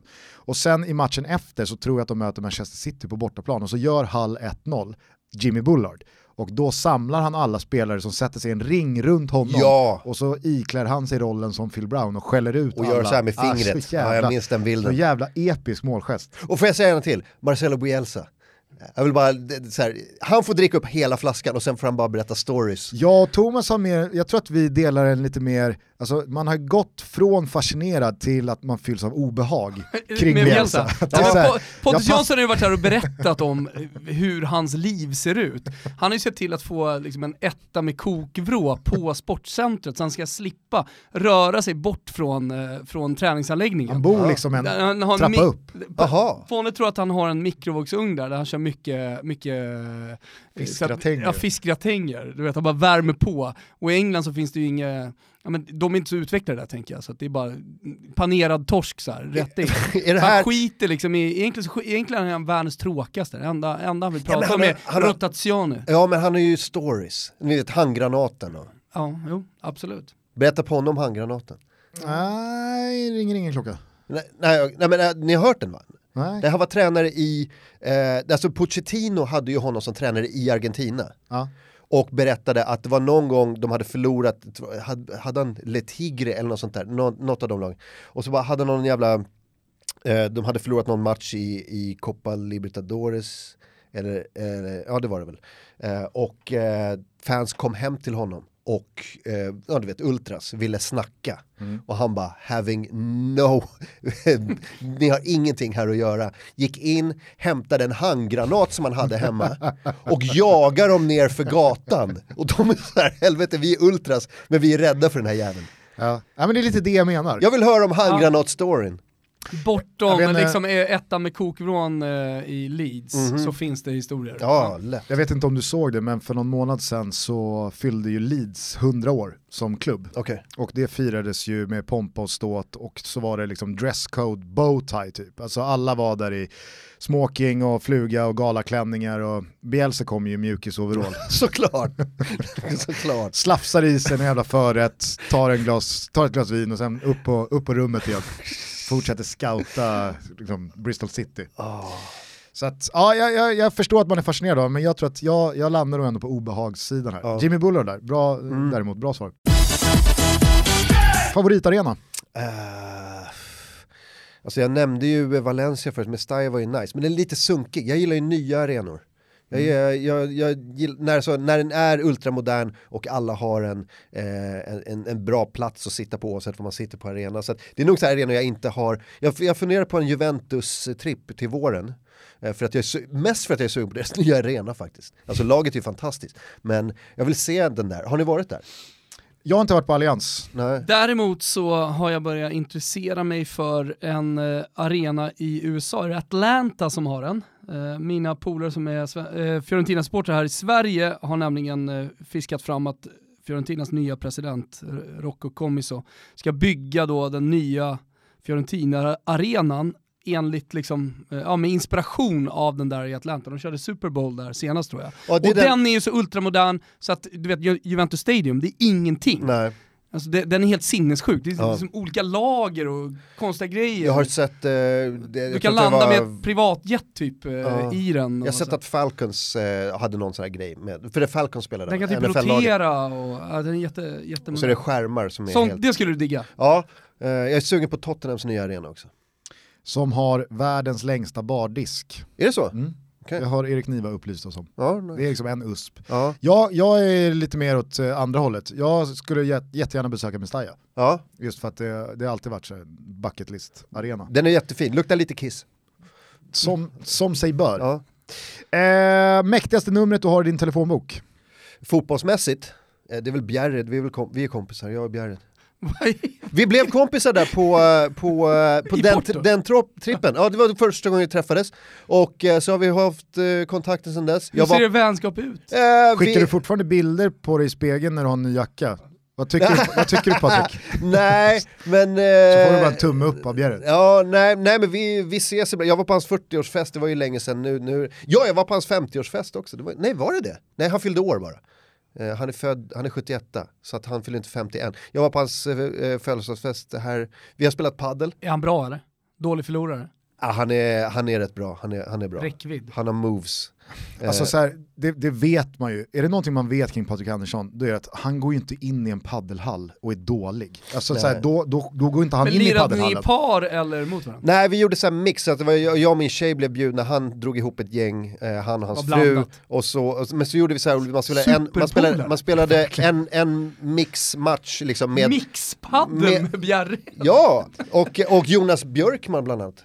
Världens trevligaste människa. Ja, skittrevlig. Mycket Alltså, bättre på padel än. Måns Zelmerlöw, är han också med i det här sammanhanget? Eh, Det, det är inte omöjligt, jag har inte sett honom där, men eh, det har... Det För att har från de eh, grabbarna är steget heller inte långt till Jesper Husfeldt och således Jesper Husfeldts PR-agent. en grej med Patrik, det var min, min kollega, eh, vad ska jag säga, han, han gör stand-up också, eller gjorde, Aron Flam, han var med en gång på en eh, det var också, det var på Råsunda, det var eh, Sverige-Holland tror jag, sista kvalmatch innan EM 12. EM 12, exakt. Eh, När där var Ola vi, Toivonen gör 3-2 ja, i slutet. Eh, då är, är Aron Flam med, bland annat, som jag har bjudit med på fotboll. Han har aldrig varit på en fotbollsmatch förut, det är hans första fotbollsmatch någonsin. Eh, han vet inte vem, vem Patrik är. Du är ju såklart där med Bjerre. Jag är där med Bjerred Ja, och så ja. tog jag med mig tog jag med mig Aron. Så att jag, jag sitter, vi sitter nästan längst fram på långsidan, första raden. Så jag sitter här, till höger om mig sitter Aron, till höger om Aron sitter Patrik. Jag hör hur, hur Aron vänder sig till Patrik och, eh, och frågar, har du spelat fotboll någon gång? Alltså inte någon gång, no, alltså i singularis. Och Patrik svarar, ja det har hänt. Det var, det var första och sista Aron var på. Eh, jag vet inte om han har varit på fotboll sedan dess, men eh, nej men Patrik... Bjerred kvävde ju, han ströp ju Aron Flam i Nej, katakomberna. Nej, men att, jag tror att han tyckte att det var ganska roligt. Att säga, Men att, det låter ju, alltså det är nästan så här best man-vibbar på dig och Bjerred. Ja, nej, nej, nej, nej, nej lång, långt ifrån. Det finns nog fler på den här listan om, om man ska gifta om sig. Men eh, nej, men vi, vi hörs ibland. Vi, vi hörs. Ses. Vilken spelare eller ledare tycker du är den mest underskattade, som inte får eller fått tillräckligt mycket uppmärksamhet, aktiv som inaktiv? Jag vet inte, det, det, det, det känns som att Albin Ekdal eh, inte riktigt har fått så här, ett stort erkännande, fast han är kanske en av de viktigaste och mest så här, har högst lägsta nivå av, eh, eh, av alla i landslaget. Jag ja, det är bara ett namn som, jag kan ha fel, men det är ett namn som spontant kommer upp. Sen har det varit lite skador och sånt där också, inte haft den största... Men det man, det man också ska komma ihåg med Albin Ekdal, det var ju att eh, det tog tid innan han kom in i landslaget. Mm. Alltså det var minst, var 24. minst två år innan han borde ha kommit in i landslaget som Mm. han stod utanför. Och eh, det var ju under Erik Hamrén-tiden. Eh, och han åkte inte ens att kolla på honom. Nej. Utan det var så här, "Ja, han lever väl där i Italien, det, det är väl inget bra nu i Italien, de håller på att göra upp matcher och, och skit. Så, så han, han åkte inte ens att kik, kika på honom. Sen tror jag faktiskt att eh, när det kommer till just erkännanden och uppskattning och eh, rättmätig sådan, mittfält och framåt, du behöver göra liksom det där målet Mm. för att det verkligen ska bli ett break. Alltså Anders Svensson gjorde det, Kim Källström gjorde det, Chippen Wilhelmsson, Fredrik Ljungberg, alltså, så här, de hade sina moments, sina Ja. matcher där de Så andra avgjorde. spelartyper, men jag köper vad du säger. Ja, det är klart att det är Jonas olika... Tern, det är vad gjorde han? Nej men han var ju med och vann ett VM-brons som Ja. för alltid kommer vara, han var lagkapten i VM-brons, vad vill, du Claude ha, vad, vill du ha, också. vad vill du ha Ja. mer än binden i, i USA-bronset? Nej men det, det tror jag har varit Albins enda liksom så här akilleshäl, eller kanske den stora anledningen till att han inte har fått det där slutgiltiga sista erkännandet som en av våra bästa och största. Nej, han har han har inte gjort det där målet. Nej, han, han har ingen- han har ingen- inte den matchen där han har Nej. Och han har ingen Liksom spektakulär avgjort. spelstil heller. Det är väl så att... Eh, Och det har ju vi alltid pratat om när det kommer till hans klubblagskarriär också, att spelmässigt så är det ingen snack om att han håller för toppen av Serie A eller Bundesliga. Det, det, det, det är klart att det inte är så. Men för att de där allra översta klubbarna ska plocka dig så behöver du tre, fyra mål per säsong som han inte gör. Och det tror jag därför han, det har blivit liksom, det stannar vid Sampdoria, där, eh, Cagliari, Hamburg, det, det, det, istället för Dortmund, Inter. under hans tid liksom, där han utvecklades mest, då såg ju hans tränare då honom som en defensiv mittfältare. Jag kommer ihåg när han spelade i, i Cagliari, där fick han ju knappt gå över halva plan. Alltså han skulle bara fördela bollarna. Och det gjorde väl någonting med hans karriär idag. Alltså det påverkade vilken spelare han, han blev sen. Mm. För då var han fortfarande ung och kunde utvecklas. Hade någon sett någon slags box-till-box mittfältare i honom så hade han kanske utvecklat de skillsen ännu mer. hade, vad, tycker ni att det var ett bra svar av mig? Jag tycker det är bra. Ja, Mycket bra. Nice, ja, Mycket ja, för att det, det, det betyder mycket för mig att ni, gill, att ni gillar det. Nej men för ni kan mycket mer om fotboll än vad jag kan. Så Nej, men jag att tycker det var ett eh, bra, jättebra svar. Vilken spelare eller ledare har du däremot aldrig riktigt sett storheten i?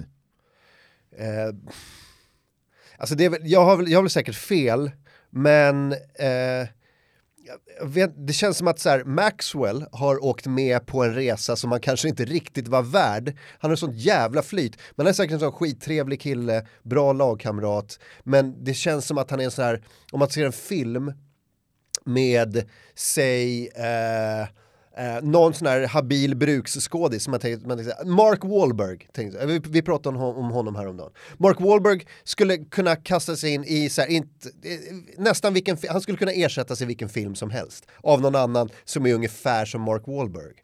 Det känns så med Maxwell, att så här, ja han, han gör väl jobbet men det finns också 50 snubbar som skulle kunna göra hans jobb. Men han har ändå då varit, har varit- vunnit alla de här jävla titlarna. Han har varit i sådana, alltså sån sjuk karriär. Men under nästan ett decennium så var det också etablerat så att först värvade man Maxwell för att man ville ha Zlatan. För de var bästa polare. Det var det man misstänkte, att det var liksom, är, är Maxwell Zlatans sällskapsponny? Alltså, det, han, ni, alla, alla travstjärnor behöver ju en sällskapsponny när de åker ut. Ina Scotts, du vet, och det är så här lilla bredvid, som är med när de betar eh, som mellan racen. Det är Maxwell. Men jag är bara nyfiken, om ni nu pratade om det i AMK morgon misstänker jag då, eh, Mark Wahlberg. Har inte han eh, idag och sedan några år tillbaka det högsta, alltså den högsta quoten i eh, arvodering?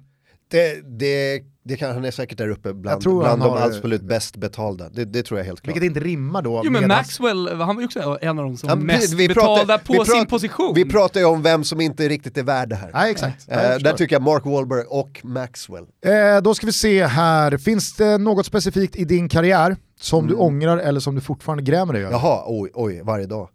Ja. Typ, Nej men alltså, jag är inte så jävla bra så här affärsmässigt, ibland, jag är lite väl snabb att be folk att dra åt helvete. Eh, kanske inte med de orden, men vara så här, ah, det där känns jobbigt, de där vill jag inte jobba med. vi klipper. Jag, ja men precis. Eh, och så ibland tänker jag så här, jag borde haft lite bet- mer tålamod, varit lite mer så här, eh, smidig, då hade det här kunnat lösas och hade vi kunnat gjort. Men jag vill ha ett sånt enkelt liv som möjligt, jag vill bara göra, som, som ni gör i eran podd, eh, så gör jag min podd och så gör jag lite stand-up comedy och så gör jag liksom andra grejer som är roliga. Och så, så bara känns som att så här, det, det, det, det är det enkla livet. Jag Hade, hade den där meltdownen eh, för Kringlan i AMK morgon, hade den kunnat sluta på något annat sätt? Nej. Alltså, det, finns, nej, men det finns ingenting att ångra kring en sån Nej, dag, men- en sån morgon. Nej men den, den grejen hade ju inte vi kontroll över riktigt. Så här, det, det kom ut, det kom ut eh, som det gjorde. Och jag, men jag är rätt sånt är jag nöjd med, att jag är så här, "Nej, fuck it, vi, vi kör på det här. Eh, det var folk som ville säga vi tar ner det där programmet, jag bara, nej fan det ligger där ute nu, vi, vi, vi, sen klippte vi om det. Men, men eh, det var inte på, hade jag fått bestämma, då var vi fyra som bestämde, så att jag fick ju vika mig liksom. Men eh, nej, jag, jag vill inte, jag vill, jag vill bara köra på. Det är ju det som är så här, det är det som är så jävla privilegierat med det vi gör, att så här, vi, har våran, vi gör vad vi vill, vi, har våran, vi säger vad vi vill, och vi kan liksom tjäna pengar på det och, och ha ett liv på det. Det, så det finns inget mer privilegierat. Fan, det, fan, det finns folk som har en chef som säger till dem vad de ska göra och vad de får säga varje dag. Det är ju, så här, det är ju, det är ju vedervärdigt. Liksom. Bra, bra sagt. Vad tycker du gör ett snyggt fotbollsmål? Alltså det finns två som jag gillar väldigt mycket. Alltså den klassiska rökaren i krysset från liksom Rökaren. 30 meter, en riktig rökare i Rökare krysset. från Jag såg You Cool. Ja, verkligen. jag såg att Erik Edman fyllde år igår. Och Ja, det här uppmärksammade ju Tottenham Ja, såklart. med alltså, hans- Hästsparkarnas hästspark. Ja, det, det, är ett, det är ett helt fantastiskt mål. Och det är också en, eh, det är en pendel man sällan ser i dagens fotboll. För Mm, idag jobbar ja. man så jävla mycket med snärtskott och det ska wobbla och alltihopa. Just det. Det där är liksom, benet är uppe i, i nacken. Mm. och En golfsving. Ja, det är en golfsving, Ja, exakt. ja, det, är, det är helt makalöst. Så sådana mål älskar jag.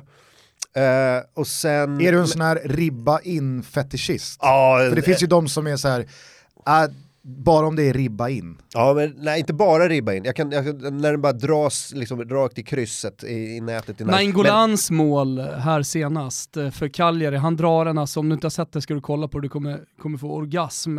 Det är alltså, du vet alltid när man sett skott i krysset, så är man lite girig nu för tiden, för man har sett så många skott i krysset, så man vill, man vill nästan att det ska sätta sig Mm. Ja, liksom, i kryssribban. Sådär. Och den här är, är en, nå- någon centimeter ifrån att vara perfektion. Ja, Och det är dessutom på halvvolley om jag inte minns fel Yes. också. Mm. Och Den här sköna helt träff- optimalt fångad ur kameravinkeln. Ja, det Alltså, finns det- också liksom bakifrån. mm. Mm. ja, det är mysigt. Och sen har du de här äh, alltså, spelmålen som är helt sjuka med, med när flipperkulan i straffområdet, Arsenal, eh, de, när det är åtta spelare involverad, eh, one touch ända fram till ett öppet mål.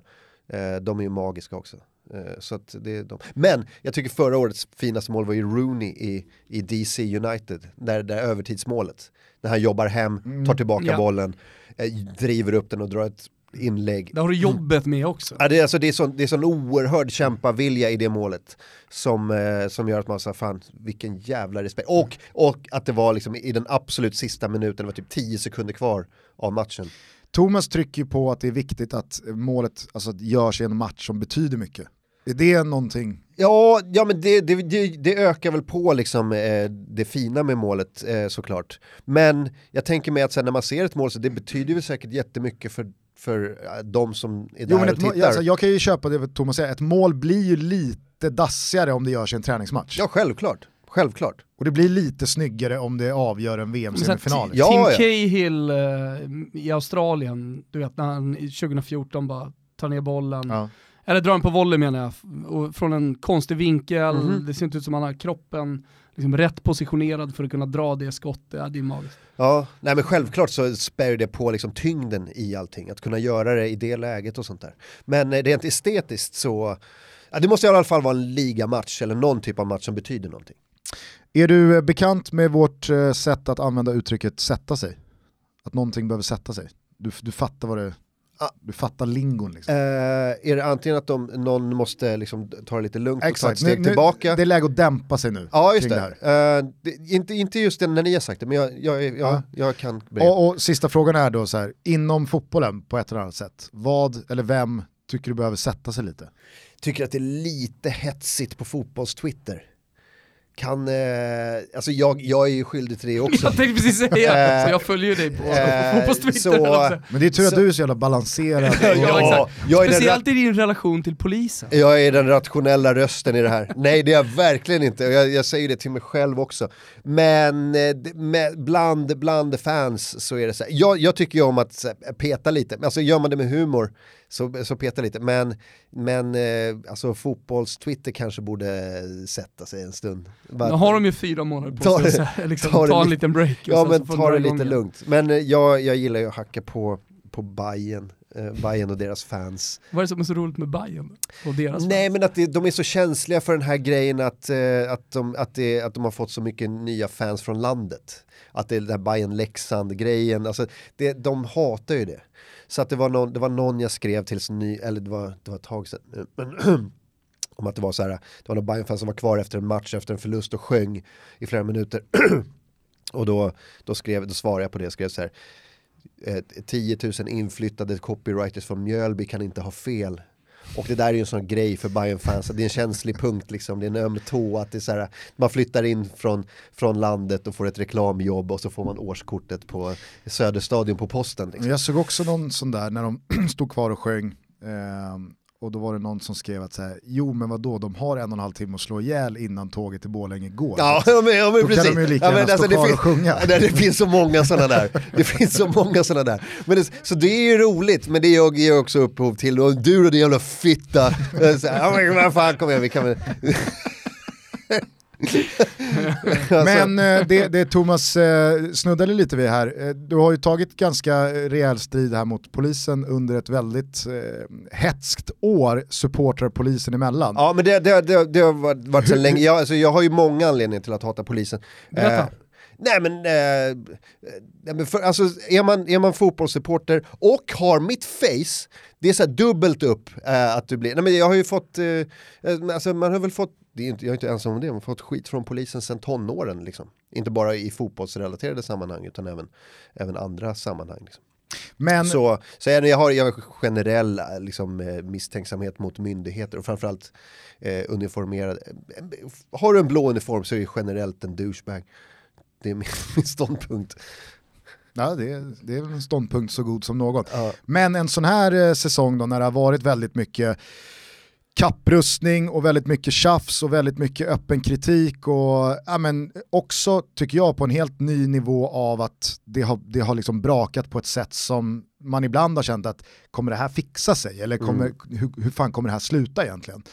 Eh, hur mycket av dig drivs på riktigt av att vi måste verkligen ta tag i det här och hur mycket är bara att du spyr ut galla? Jag, jag tror inte att fotbollen är i fara. Jag tror att de tifogrupper som skriver att de, de vill ha ihjäl våran kultur och så. här. Jag tror den kulturen är mycket starkare än så, än att polisen någonsin skulle kunna eh, liksom strypa den på något sätt. Så här. Den supporterkulturen är, är ju superstark i, jag, vet inte, jag har inte upplevt en tid, tror jag, när supporterkulturen har varit starkare någonsin Nej. i, eh, under min livstid i alla fall. För jag har ju varit med sedan alltså, tidigt 90-tal och eh, gått på fotboll och varit runt så här allsvenskan och sånt där. Ja men så är det ju, det, det är ju starkare. Det var än någonsin. mycket, mycket värre på 90-talet. Alltså det var mycket, alltså polisen var mycket värre.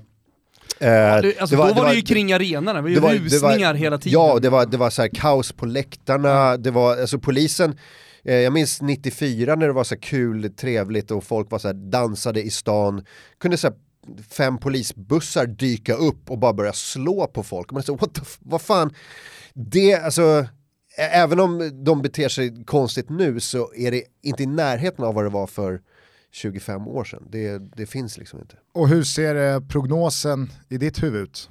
Var, var, var, tror du det kommer fortsätta eskalera eller ser du en vändning inom en snar Jag, framtid? jag, kan, jag kan inte se, för nu har ju polisen isolerat sig så mot, alltså, från hela samhället. Nu är det ju, alltså, vad jag upplever är mediakåren eh, är emot det här, supportkulturen självklart. Eh, alla andra runt fotbollen i form av publik. Eh, jag tror fan förbundet också börjar väl säga lite så här, det här, det här ser inte så jävla bra, det funkar inte riktigt. Jag såg ju nyligen också att Djurgården får igenom en överklagan där man gick på klubbarnas linje och inte på polisens Ja, som linje. kan bli prejudikat också. Ja, Mm. i, det här är kammarrätten va? Ja. Så eh, jag, jag kan inte se att det ska gå liksom, det, det kanske blir värre innan det blir bättre men det kommer inte vara så här för alltid. De kan inte hålla på så här, det går inte. Eh, men eh, det, kommer ta, det kommer ta kanske en eller två säsonger, jag vet inte. Ja, så samtidigt så känner jag, om man nu ska vara dystopiskt lagd, att det har ju varit en jävla hårt mot hårt attityd Ja. och slå dövörat till och fuck you, ni kan ha era tysta protester och gå ihop eh, bäst fan ni vill. Mm. Vi reducerar ännu fler platser, vi går på ännu hårdare. Mm. Alltså, jag har i alla fall inte upplevt speciellt mycket, okej vi mjuknar lite eller vi, vi närmar oss er, eller, alltså än så länge. Nej men det måste göras, men det kanske måste till typ en, ett chefsbyte, det kanske måste till eh, en ny polischef i Stockholm. Pratar jag om en, ny, en, en resurs som ska liksom fungera som någon slags så här, Samordnare. Ja, exakt. Länk blir det ju Ja. mellan supportrar och, och, och polisen. Ja, det kanske, Om det kommer en ny rikspolischef, liksom. det, det kanske är en sån som krävs för att bara så här, komma in och bara, nej det, det, här, vi, det här var inget bra, eh, vi börjar om va. Eh, något sånt där, de kan ju inte hålla på så här, det, det fattar de ju själva också, men de har ju så mycket prestige i det så att de, de är så här, ah, nej, nu har vi sagt att det blir så här. Och då blir det så, nu, vi är polisen, nu, ja, så. Lycka till. Ja, men jag tänker ändå lite så här, för att jag, när jag och Thomas har pratat mycket om det här, eller när man har hört Thomas i andra sammanhang framförallt, då, då, pratar ju mycket, då pratar ju Thomas väldigt ofta om att just att supporterkulturen är som vilken annan subkultur som helst och att det är snarare det som polisen vill döda och kväva. Absolut. Och så brukar Thomas då ta exempel med punken eller med raven, med Docklands och alla Ja. liksom, droger och trance och det 90-talet. Och, och, och då känner jag så här, okej jag fattar, men lyckades man inte då med att döda de grejerna? Alltså varför har man ett sånt jävla självförtroende i att polisen kan försöka men de jag kommer tror att inte döda. fotbollsrörelsen är så jävla Jag stark. Har, att- har, eh, och bred och har stor. eh, punken dött? Den har ju inte dött på grund av polisen. Nej, men de, kvävde, de krympte den ju, de kvävde den ju. Skogsrave är större än någonsin. Är det det? Alltså, Mm. Jag, är ingen, jag är ingen skogsravare. Eh, det är jag. Jag har börjat med det nu. Så att det är den här 43-åringen som kommer ha ihjäl den kulturen kan jag säga. Så nu kan polisen eh, ta dig både då kring fotbollsmatcher Jajamän. och på skogsrave. Alltså det är så jävla roligt att gå på skogsrave eh, för att jag ser ut Du kan lite... lika gärna Så det tatuera in, du kan tatuera in en måltavla på ryggen. Jag skulle, kunna, jag, skulle ju kunna, jag skulle ju kunna se ut lite som en civilsnut va? Alltså har jag en grå hoodie och Alltså, en bomberjacka över och en handsfree och går omkring på skogsrave och freaka ut höga kids eh, och bara säga tjena Martin från Stockholmspolisen, jag kan få se ett lägg på dig grabbar. Eh, och det jag gör då, det är att jag tar deras knark. Ju. Aj, aj, aj. Du är Ja. smart ja. För vadå? Du är som, du är som kretsen i Innan vi dör. Ja exakt. Jag hade en polare som, eh, som eh, gjorde så, innan vi träffades dock, han jobbade som någon slags eh, ordningsvakt, eh, fast väldigt mycket, kanske, kanske var det, jag vet fan, eh, hur som helst, han, han eh, tog hand om eh, missbrukare på Mhm. nätterna. Mhm. Och eh, de, ja han jobbade på ett härberge. Okej. Och så visiterade han dem liksom, eller tog, tog Ja. av knarket på honom och så Ja. tog han det själv.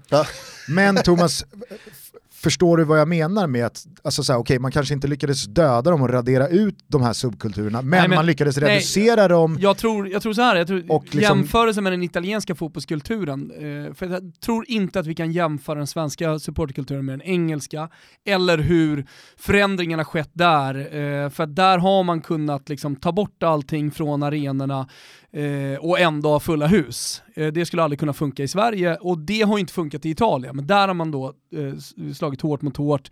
Eh, Napolis B-kurva stängdes nu i veckan, eller de stängde den på grund av att det är för höga böter, det är för stränga straff.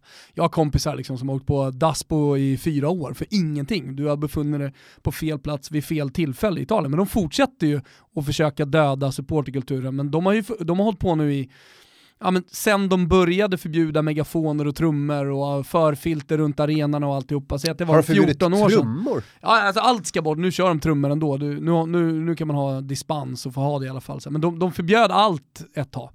Och det var ju när den här eh, polisen dog nere på Sicilien. Men, men eh, man kör fortfarande jävligt hårt. Men, men nu är Italien så stort land och det kommer nya supportrar hela tiden.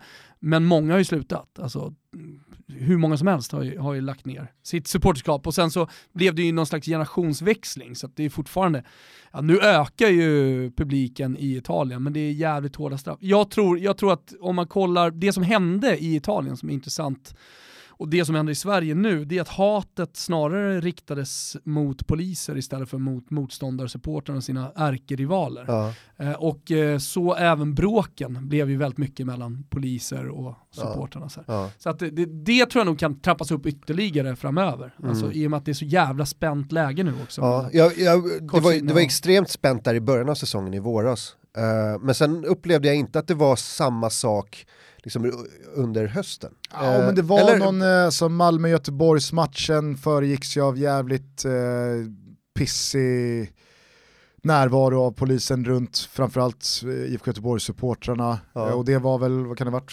25-26 omgången. Mm.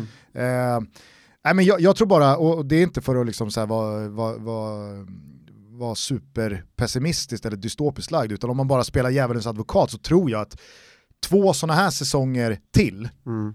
är jag helt övertygad kommer ha en negativ inverkan på publiksiffror, på långsidepubliken också att inte vilja gå för att det blir liksom så här, det, det omgärdas av så jävla mycket Mm. tråkigheter och tjafs och svarta rubriker och bara en, en allmänt negativ inställning från alla utanför fotbollens värld också. Ja. Jag, jag har inte järnkoll på allsvenskan rakt igenom. Eh, jag har ju bara koll på, men med mitt Djurgården har ju varit toppen hela säsongen. Alltså, alltså in, inte, inte just så här, alltså, ordningsgrejerna runt, men, men det har varit en positiv vibb runt alla hemmamatcher och sånt där. Så att jag kanske har varit lite mindre eh, Men ni har ju observant inte, ni har på den lika, biten. Ni har ju inte lika mycket folk på matcherna så det blir inte lika stökigt tänker jag. Det var ju dock jävligt roligt här, jag tror att det var inför sista hemmamatchen va, mot eh, Örebro, Ja, när eh, Djurgårdarna kör någon slags gemensam marsch mot arenan och så är det en piketbil just som ska En spela... vanlig polisbil som, tror jag. ja, Ja. nej, det var, en, det var en buss. Ja, Det var en jag tror att det är en vanlig Okej, det polisbil. kanske var en vanlig då, som då ska spela hjälte Jaha. och skingra liksom 8000 man med, med lite blåsirener och liksom hallå, hallå, här kommer... Du, du, alltså, alla går ju bara runt, så det, blir, det, Ja, det ja. så många. Alla kör så bara, att liksom, det blir lägg i som, backen och dra härifrån. det blir som den här zombiescenen i Game of Thrones, Ja, liksom, så ja, att du bara det. slukas upp av Ja, det var ju som, eh, vad heter det, i Norrköping också så här, eh, i slutet av matchen, 10 minuter från eh, när de, blå, eh, de blåste av så sa spiken så här, och jag vill påminna om att det är förbjudet att beträda planen och alla som gör det kommer att bli polisanmälda. Va, Ja, men polisanmäl 8000 snubbar liksom. Försök, det går inte. Gladde mig när jag såg film för övrigt på att folk plankade in i massor. Åh, det var magiskt. Ja, fint. Hörru du eh, Martin Soneby, har du någonting annat på hjärtat som du skulle vilja avhandla? Jag, jag, har en, jag har en fråga, vad Ja. fan, vad, för att jag vet om det, varför åt du middag med Christian Karembö uppe i Kiruna? Ja, Det här måste jag fan veta. Eh, jag fick ett jobb av Coca-Cola tror jag, som de hade en grej när de tog runt VM-trofén runt hela världen. Annars gillar ju Pepsi mer. Men det var, det var det, ett konkurrerande märke som Ja. hade en grej med VM-trofén. Kim kommer pipa. Ja. Och då var jag uppe där, eh, då blev jag anlitad av dem för att åka upp och göra någon typ av konferenciergrej. Och då var Christian Karembå med som, eh, som ambassadör för Fifa i egenskap av eh, världsmästare och sånt där. Så att han var, han var där, skittrevlig snubbe. Eh, toppen. Han jobbade då redan då med Olympiakos, han var någon typ av teknisk direktör. Just det. någonting. Eh, Olympiakos. Och eh, nej, vi, vi, vi hängde typ i två dagar så här. och så käkade middag. Han berättade stories om, eh, om Sedorf och eh, om Serie A. När Capello tog över honom till, eh, till Real Madrid. Då hade Capello Milan tror jag. Sedorf var i Milan. De mötte, var var han i, var han i Fiorentina? I, Vem? Eh. Eh, Nej, Sampdoria. det var han inte. Han var Eh, inte Fiorentina. det var ju något sånt lag i alla fall i Ja. Italien. De, de eh, mötte eh, Milan i, på San Siro. Efter matchen så kom Cedorf in till hans omklädningsrum och bara sa du, eh, kan jag få snacka med dig lite här utanför? Och eh, då ville Capello prata med honom, Cedorf och Christian Karembå. Och de, fick, de, var tvungna att stå liksom, i en korridor vid en dörr med dörren på glänt. Så Capello stod på ena sidan dörren, Cedorf och Karembå stod på andra sidan dörren för att de ville inte synas på några bilder tillsammans, de tre. Och då viskade liksom Capello genom glipan i dörren bara jag, jag, jag har skrivit på för Real Madrid, jag kommer ta Real Madrid nästa år. Jag vill ta med er två till Real Madrid nästa år. Är ni på? Och de bara, ja, lätt. Eh, så här, och det var så de kom till Real Madrid. Fantastiskt. Det här var innan WhatsApp. Hör man. Ja, det, det var det nog. Det var det nog med största säkerhet. Eh, så, Dark web. Ja, Det var dåtidens dark web. Ja, och han har sådana jävla stories som Cedorf, vilken jävla snubbe det var liksom. Han, han, var ju, han såg sig själv som så här, tränare, lagkapten, tränare och president i klubben he- hela tiden. tycker det bästa kring Cedorf det var ju när han under sin tid i Milan ett tag där av Milan Lab som Milans läkarstab kallades inte fick träna med laget för att han var, han var liksom 100% tränad. Om han tränar mer så, liksom, så börjar han bryta ner sina egna muskler. Så när alla andra var uppe i bergen och byggde, då, liksom, då fick Cedorf bara bröstsimma i en pool i lugnt tempo för att så här, du är maximalt tränad. Det går, inte att, det går inte att bygga mer. Det är färdigt nu. Ja, det är färdigt. Så nu, nu gäller det bara liksom lugnt och mjukt hålla de här musklerna på 100,0 Fan vad gött ändå. Fan vad gött. Vi kommer aldrig komma dit. Nej, kommer- Aldrig så, är, någonsin. så är det verkligen. Men återigen då, eh, eh, nu när du har chansen i eh, Sveriges största fotbollspodd, har du någonting mer på hjärtat du vill avhandla? Eh, nej, Eller ska vi börja runda? Eh, jag vill bara säga, nej men alltså, jag kan väl tipsa Du har en alla... egen sportpodd för fan. Ja precis, jag har en sportpodd som heter Division 9, vilket antyder nivån av kunskap eh, med oss. Det är jag... Är det så? Ja men vad fan, vi kan ju ingenting. Eh, vi jobbar inte, det är vår hobby, vi är fans. Men vi pratar mycket om fotboll såklart och, så, och en del UFC och eh, lite NBA, NFL, eh, sådana grejer. Det är jag, Jens Resch och Fredrik Öris. De är två killar från musikbranschen eh, egentligen. Exakt, Chords och Öris. Exakt, eh, från, eh, ja, från, från den scenen. Men, och jag, men jag måste säga, Jens, alltså, eh, Öris är, är så jävla skön att podda med, men Jens är, jag håller honom som Sveriges roligaste människa. Och jag jobbar med väldigt många roliga människor i min bransch. Men han, han är i särklass den roligaste människan som, eh, som jag har hört. Vi har delat ut många epitet i dagens avsnitt. Världens ro- eh, Sveriges roligaste människa. Ja, Jonas Björkman, Sveriges trevligaste människa. ja det, det vet jag inte, men jag har träffat honom en gång, han, han är jättetrevlig. Jesper Husfeldts PR-agent, Sveriges sämsta PR-agent. Det, det är era ord, jag har ingen aning om det här. ja, och där kanske vi stannar. Där Ja. kanske vi stannar. Och, eh, och eh, shoutout till eh, alla tifogrupper i, eh, i eh, Allsvenskan som eh, gör ett sånt jävla, alltså ni har min fulla respekt. Alla klubbar, främst mitt Djurgården såklart, men, Men- eh, men alla klubbar gör sånt jävla jobb alltså. Men alla ni i Superettan, snäppa upp er för fan. Ja det vet jag ingenting om. Men, eh, men, I Södras är ju het. Ja. Tyvärr kom de inte upp. men fan, vad, fan vilket eh, jobb de har gjort alltså. Och det är Ja. de som är den här jävla ligan. Så är det. Ja. Eh, Alla våra gäster eh, får jag avsluta med en valfri låt. Jag, jag tänker dock att jag ska föreslå eh, Chords absolut bästa låt någonsin, Drift Away. Nej det blir det inte. Nej, det blir inte. Jag brukar ha, jag har en ritual när jag går på match hemma i Stockholm och det är att någon gång på vägen till arenan så lyssnar jag på Sit Down med James. Det är en skön fotbollslåt tycker Jag trodde du skulle säga eh, just idag är jag stark. Ja, nej det det, hade varit det, oväntat. det, det blir Vet du det vad? inte. Jag tror faktiskt vi... Nej men eftersom i- du är Hammarbyare och aik Ja just det, det också. Just det. Jag tror att i avsnittet där vi, det kanske inte föddes där, men då uttrycket sätta sig fick ta jävligt stor plats. Det döpte vi då till sätta sig. Och då gick vi ut på sit down Ah, Okej, James. så ni har spelat den förut? Ja, men vi kan spela den igen. Ja. Det är ju en dunderlåt. Den är, det är min fotbollslåt. Härligt! Ja. Eh, jag hoppas att eh, ni, precis som vi, har haft jävligt trevligt och roligt med Martin Soneby. Vi ska inte säga för mycket, men det är nog inte sista gången vi hörs och syns tillsammans. Garanterat inte. Jag kommer tillbaka, alltså, ni, får, ni kan ringa mig när som helst, det här blir skitroligt. Ja, Bra. det, det har varit vad kul. jättero- jättekul att ha det här. Eh, och eh, lyssna på division 9, AMK morgon. Eller hur? Mm. Ja. Då är jag rätt ute. Kolla sen in sen med- du skulle ha det simpelt, inget, inget, inget, inget mer komplicerat. Nej men jag gör ju stand-up och sånt där också, men det kan och man... så eh, Scalateatern eh, 21 december. Ja, kom dit, fan vilken show det blir. Härligt. Eh, och sen så hörs vi förhoppningsvis på lördag morgon. gör vi. Ciao tutti! Ciao. Hej då,